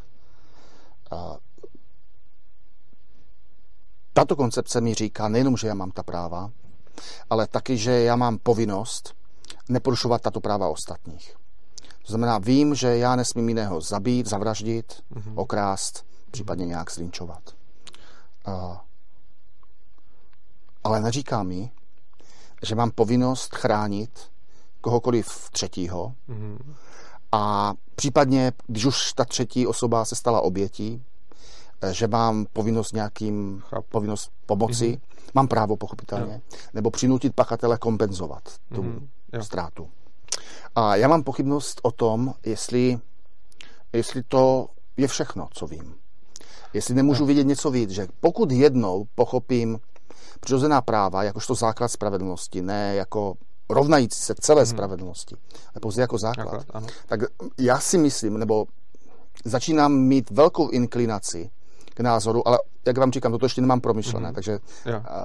bych to těžko obhajoval, že když toto jednou pochopím, tak mé svědomí mě zavazuje nejenom k ochraně mých práv, k neporušování práv druhých, ale k ochraně. prosazování této koncepce spravedlnosti pro všechny členy lidské společnosti. A v, tě, v té míře, jak je to jenom prakticky lidsky možné. To znamená, já nemám žádnou možnost ochránit dítě z nějakého kmene v rovníkové Africe, kde právě probíhá genocida. Jako máte, jenom vás to hodně stálo. Ano, malou individuální možnost. Ale pokud žijí v nějaké komunitě, tak si myslím, že tuto možnost máme kolektivně dohromady. A právě proto, že ta ochrana základních práv je natolik důležitá, natolik zásadní pro spravedlnost, mm-hmm. tak si myslím, že jako komunita máme právo toto, o toto se pokusit. Byť uděláme určitě mnohé chyby, i za cenu určitého velice mírného donucení vůči lidem, kteří nejsou dobrovolně ochotní na to přispívat. To znamená, že si myslím, že zdanění, ale pouze za účelem mm-hmm. ochrany spravedlnosti ne, vzdělávání, zdravotnictví, welfare, to ne, mm-hmm. no ani kultura, by se na mě našlo no, všichni herci, že takovéto zdanění, zdanění není, není nelegitimní, ale je v principu legitimní. Jo, já... protože, protože koncept spravedlnosti je Zdá se mi, že by byl, by, byl by rozporný vnitřně, kdybychom přesně věděli, co je spravedlivé, co je nespravedlivé, mohli se bránit, nesměli ubližovat druhým, ale neměli bychom morální povinnost, jako máme neubližovat druhým, morální povinnost tento koncept spravedlnosti, pokud je platný, a my si myslíme, že, jsme, že víme úplně s jistotou, že je platný, a myslím, že lze dokázat základní přirozená práva, že to není jenom víra, že to je, je filozoficky prokazatelný koncept že tato znalost, toto vědomí nás zavazuje k tomu, abychom se o to pokusili. To znamená, že, že ten průbířský kámen eh, anarchokapitalismu zda zdanění alespoň v nějaké podobě je vždycky nelegitimní nebo někdy legitimní. Eh, myslím si, že v tomto, pokud ta má inklinace nebo ten můj náhled, by šlo dokázat, že pak padá. Tomu asi rozumím a v zásadě je to rozhodně zajímavá myšlenka s tou, eh, s tou povinností, jako povinností pomoct, nebo eh, jakože nejenom mít právo chránit práva druhých, ale dokonce mít určitou povinnost práv, chránit práva druhých. je to určitě zajímavý námět přemýšlení a když říkáte, že to máte přesně takhle, jako to, líbí se mi na tom to, že řeknete, jsem na cestě k pochopení tomu a přijde mi, že tohle to z toho vznikne, protože takhle přesně nějak většinou dopadá, když člověk na něčem fakt přemýšlí a pak pak k něčemu fakt zajímavému dojde, že to není jako hned, přečtu si článek a najednou něco vidím, čili tohle to se mi, tohle to se mi líbí. Uh, osobně tímhle tím směrem asi nejdu a jdu spíš opačným, bych, bych řekl trošičku. Eh, z hlediska toho eh, práva a povinnosti. A myslím si, že to částečně souvisí s jednou věcí, kterou jsem vám do toho po, doplnil. A to je věc, se kterou se snažím nějak vypořádat já. A to je přesně to... Vy totiž, já, vy totiž můžete pomáhat spoustě lidem, akorát, že to má různé náklady. Ano. A v momentě, když byste z toho chtěl udělat povinnost, tak musíte nějakým způsobem uh, udělat poměr mezi tím, od kolika nákladů je to povinnost a od kolika nákladů je to právo. Hmm. A tohle je pro mě, tohle, tohle je něco, co si myslím, že to, co zase myslím, že ekonomie ukazuje, že zatím nelze udělat interpersonálně, byť je to filozofická otázka, tak to bohužel vyžaduje nějakou ekonomickou část věci a to, že já nedokážu posoudit pro člověka, jaká pro něj je to ve skutečnosti hodnota nebo oběť. A teď, když, když to zobecním na to úplně jednoduchý. Někdo jde po ulici, vidí tam prostě ležet na zemi starou krvácející babičku, překročí no, a jde dál, tak si všichni řekneme, to je gauner prostě. Hmm. Na druhou stranu já k tomu řeknu, jako je to gauner, ale má podle mě právo jí překročit a měl by mít právo jí překročit. Byť to není hezký, vůbec s tím nesouhlasím, ale nechci mu dávat povinnost pomoct principiálně z toho důvodu, že já nemůžu vědět, jak, kolik by ho reálně stálo pomoct, myslím ne jako finančně a časově a tak, ale kolik by jeho, jeho stálo pomoc z, z, z hlediska jeho hodnotového žebříčku, protože ten důvod, proč nepomohl, mohl být celkem libovolný od toho, že se hrozně bál té krve, přesto, že byl zrovna v nějakém strašném psychickém stavu, přesto, že to prostě teď nedokázal udělat, že byl... Pro... Protože lidi většinou pomůžou krvácející babičce na chodníku, ale když už ji teda někdo překročí, no tak buď je to někdo, kdo je nějak zvrácený, anebo je to někdo, kdo byl zrovna sám na kraji a pomezích svých sil, protože teď zrovna šel někam spáchat no. sebevraždu a už... Jo, jo a, te, a teď prostě něco. A teď jde o to, že dávat to těm lidem za povinnost je pro mě strašně ošemetný proto, že, ně, pro něko, že tahle ta hranice je neuvěřitelně subjektivní a někdo, kdo prodá celý svůj majetek a jede zachraňovat ty děti do těch afrických kmenů, tak by potom úplně stejně mohl nás soudit za to a dávat nám jako povinnost, že ne, nejdeme dělat to samý, protože pro něj je to přece no. samozřejmý a on by z jeho pozice mohl říct, ale vy jste gauneři, že, že neděláte to, co dělám já. A potom bychom se mohli dostat jako aplikací tohohle toho principu k tomu, že z hlediska jako našeho pohledu je vlastně super něco takového dát jako povinnost, protože všichni budou mít povinnost překročit babičku, teda nepřekročit babičku. Ale potom eh, z hlediska pohledu jiných lidí, který není o nic méně legitimní, protože když pro toho člověka jako je fakt to, že prodá všechno, co má a jede do té Afriky a celý život tam žije a zachraňuje ty lidi, tak z jeho pohledu by bylo stejně tak legitimní po nás chtít něco mnohem víc, než my děláme. A já nevidím, já vidím subjektivní rozdíl, čistě subjektivní a pozitivní mezi tím, jak já soudím toho člověka, co překročí tu babičku a jak mě soudí ten, co všechno prodal a pomáhá v té Africe ale objektivně, když to chceme, a, a, a prostě morálka nebo právo by mělo platit objektivně, mm-hmm. tak nevím, jak to objektivizovat. A kdybych to zjistil, tak možná jako bych se k tomu začal klonit, ale kdykoliv jsem šel tímhletím směrem, o kterém vy naznačujete a který mimochodem považuji za velice zajímavý, tak jsem vždycky sám v sobě narazil na tuhle bariéru. Hmm. Já, já bych k tomu řekl pár věcí. První, první, první bude jenom bon mot, jenom vtip. Když ten člověk jde spáchat sebevraždu a z toho důvodu nepomůžete babičce, tak možná kdyby jí pomohl, tak by si uvědomil hodnotu života a nespáchal no. by se Ale to je vtip. Víme, co, druhý, jo, druhý příklad, když prodám majetek a jdu zachraňovat děti do Afriky, ano, tak po smrti, a ještě mě zabijou u toho, tak eh, církev mě prohlásí za svatého. Takže to je jako ocenění. A, ale teď už vážně věcně. Eh, zaprvé bych řekl, že ten okruh bližních, který mám pomáhat, a podstatě celé lidstvo z určitého hlediska, ale realisticky, aristotelsky v tomto bych já postupoval, je, že ti, kdo jsou mi nejblíž, vůči těm mám největší odpovědnost. To znamená mhm. vůči svým dětem větší než vůči dětem souseda, vůči dětem souseda, souseda větším než vůči dětem na druhém konci republiky, vůči dětem na druhém konci republiky no větší, větší, sobě, že? větší, no jasně, no. větší než na Sibiři a tak dále. To znamená, že ten okruh, eh, ta intenzita povinností morální vůči bližnímu eh, klesá ze vzdáleností. Ale, ale já jsem v centru, takže když překračuju tu babičku, tak jsem no, upřednostil sebe před dobře, tou cizí babičkou. Dobře, ale uh, vzpomněl jsem si, že Hayek, tuším v právu zákonodárství svoboda, říká, že pro liberální řád je nutné, aby zákony byly negativní. To znamená, něco se zakáže, vraždy, krádeže a tak dále, a všechno, co zákonem není zakázané, je povolené. Ano. Dodnes dokonce je to, myslím, koncepce to českého státu. jenom Hayek, že? Jasně, no. to je, to je, ano, no. to nejenom Hayek, to, to je no. koncepce svobodného státu. Pro stát mm-hmm. platí přesně opačná. Opak, to zákonem není povoleno, ne, je státu zakázáno. A Hayek tam uváděl, že v Británii v, té, v tom liberálním období konce 19. století byl jenom jeden, jeden jediný pozitivní příkaz státní a to byla povinnost eh, zachránit trosečníka na moři. Jo, a ten je doteď. A ten možná doteď, jo. ano, že, ale že žádný jiný nebyl. Ale oni to, to dělají hlavně dobrovolně, protože to... oni ty námořníci, eh, protože to je obecně námořní právo, který, oni, který spontánně vzniklo, protože oni nikdy nechtějí, aby taky zůstali nezachráněni. To takže... znamená, že podle Hayeka v té viktoriánské Anglii tu babičku z hlediska práva, ne morálky, můžete překročit a jít dál.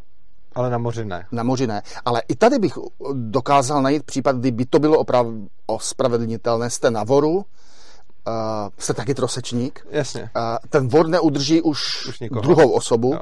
Máte chudáka, který nemá ani to dřevo, ten mm-hmm. kousek dřeva, tak za, této okolno, za těchto okolností si myslím, že je přijatelné nebo legitimní toho člověka na ten vor nevzít. Nevzít, protože utonete oba dva. Ano. ano. Uh, ale ten princip, že prostě i v tom nejultraliberálnějším období britských dějin mm-hmm. Uh, existovala jedna pozitivní povinnost, to tady platilo. Jo. Ale mě to napadlo v jiných souvislostech a to bylo, my se k tomu vracíme, uh, v situaci právě té Ameriky, poloviny 19. století. Pokud já vyznávám, a otrokářství, pokud já vyznávám koncepci přirozených práv, tak nikdy nesmím souhlasit s tím, že budu otrokem. Mm-hmm. Nemám právo vlastně otroka, pokud jsem ho zdědil, Aha. hned dát Jasně. svobodu. A, ale co mi spoluobčané, kteří otroky vlastní? A, ten rozdíl je v tom, že oni porušují právo. Ano. Pokud bych byl vegetarián nebo vegan, mám plné právo agitovat, přesvědčovat, nejste maso, nepíte mléko. Mm-hmm. Plné právo, ale nemám žádné právo k donucení. Ano. Zakázat vám jíst maso, pít mléko ano. například. Žádné právo. Mm-hmm. Pouze agitace. Ale uh, vlastnictví otroku je něco jiného než ano, konzumace masa, mléka. Ano. Uh, je to bezpráví z hlediska práva. To znamená, ten člověk dělá něco, na co on právo nemá. Ano, souhlas. A teď do jaké míry já jsem zavázán uh, mu v tom zabránit? No já myslím, že zavázán ne, ale právo máte. Já myslím, že na to máte všechna práva to udělat, ale myslím si, že nemáte no. žádnou povinnost to udělat. No, ale práva, je to můj práva, názor, ano, práva mám, na tom, na, no. tom, na tom se shodneme zajisté, to znamená, nemám povinnost uprchlé otroky vracet, což tehdejší zákony no. vyžadovali, samozřejmě. A navíc máte právo je určitě i osvobodit, když a, by Což by byl, bych zase porušoval zákony daných jižanských států. Zákony jo, ale myslím ale že, morální právo, ano. Z přirozeného práva můžete ano, mít ty otroky ano, osvobodit. Pravda, ano, to je pravda. Ale jestli nemám tu povinnost se snažit takže právo se shodneme. Ano. Ale snažit uh, za použití těch nejvíce rozvážných prostředků, to znamená pokud možno ne krvavá revoluce, Aha. ne krvavá občanská válka, ale rozvážných prostředků, legislativních například, plus přesvědčování, mm-hmm. plus a tak dále, vyšší daně, aby to nebylo profitabilní, ta práce od roku. Eh, jestli nemám tuto povinnost se o to snažit. Já bych to uzavřel, a já bych řekl, že ano. Že... Já bych to možná uzavřel tím, že podle mě právní povin... z hlediska práva tu povinnost nemám a možná se mnou nebudu souhlasit, ale z hlediska jako etiky si myslím, že ji jako mám. A přirozeného práva, z hlediska přirozeného práva Já myslím, že ne. Povinnost. Já myslím, že nemám. Když vím, že se děje bezpráví. Tak myslím, že nemám, podle mě, a zase ne, nenutím, chápu, je to zajímavý pohled, ale já si myslím, že tu, že tu povinnost nemám z hlediska práva, že to je jenom, je dobře to udělat, je to morální, je to etický, z hlediska toho, že se snažím být dobrý člověk a že se snažím dělat dobré věci, tu povinnost jako mám, ale myslím si, že z hlediska přirozeného práva tuhle povinnost nemám, ale rozhodně beru ten váš zajímavý výklad a zamyslím se nad ním. Hmm? Tak jo. Dobře. Já vám fakt děkuji za hrozně zajímavou diskuzi. Mě úplně překvapilo, tak díky za pozvání, k čemu hlavně. všemu jsme se dostali. Já se rozloučím s našimi divákama. Doufám, že se vám to líbilo stejně jako mě, protože mi přišlo, že jsme se tady dostali hodně, hodně do hloubky, na rozdíl od spousty, spousty jiných diskuzí. Uh, takže pokud se vám tohleto video líbilo, určitě ho můžete sdílet, budu za to rád, protože čím víc ho nazdílíte, nalajkujete, našerujete a, a tak dále, tak tím víc se bude ukazovat ostatním lidem v kanálu, takže se eh, anarchokapitalistické myšlenky nebo teď i konzervativistické eh, budou donášet k dalším lidem. Zároveň nebereme jako svobodný přístav žádný státní peníze ani evropský peníze, jsme fakt čistě nezisková nezisková organizace, nenapojená na stát Eh, žijeme z vašich dobrovolných příspěvků. Dole pod videem najdete eh, naše bankovní spojení, bitcoinovou adresu, litecoinovou adresu, na kterou nás můžete podpořit, pokud se vám tohleto video líbilo, případně webovou adresu opristavu.urza.cz, na které najdete možnost, jak nás podporovat pravidelně, což je vlastně forma podpory, kterou potřebujeme asi nejvíc i když, by to, i když by se jednalo o malou částku, protože potom díky tomu můžeme plánovat například ty konference a tak a podobně. Takže to je pro dnešek všechno. Já se s váma loučím a těším se zase příště. Tak se mějte krásně a uživejte si života.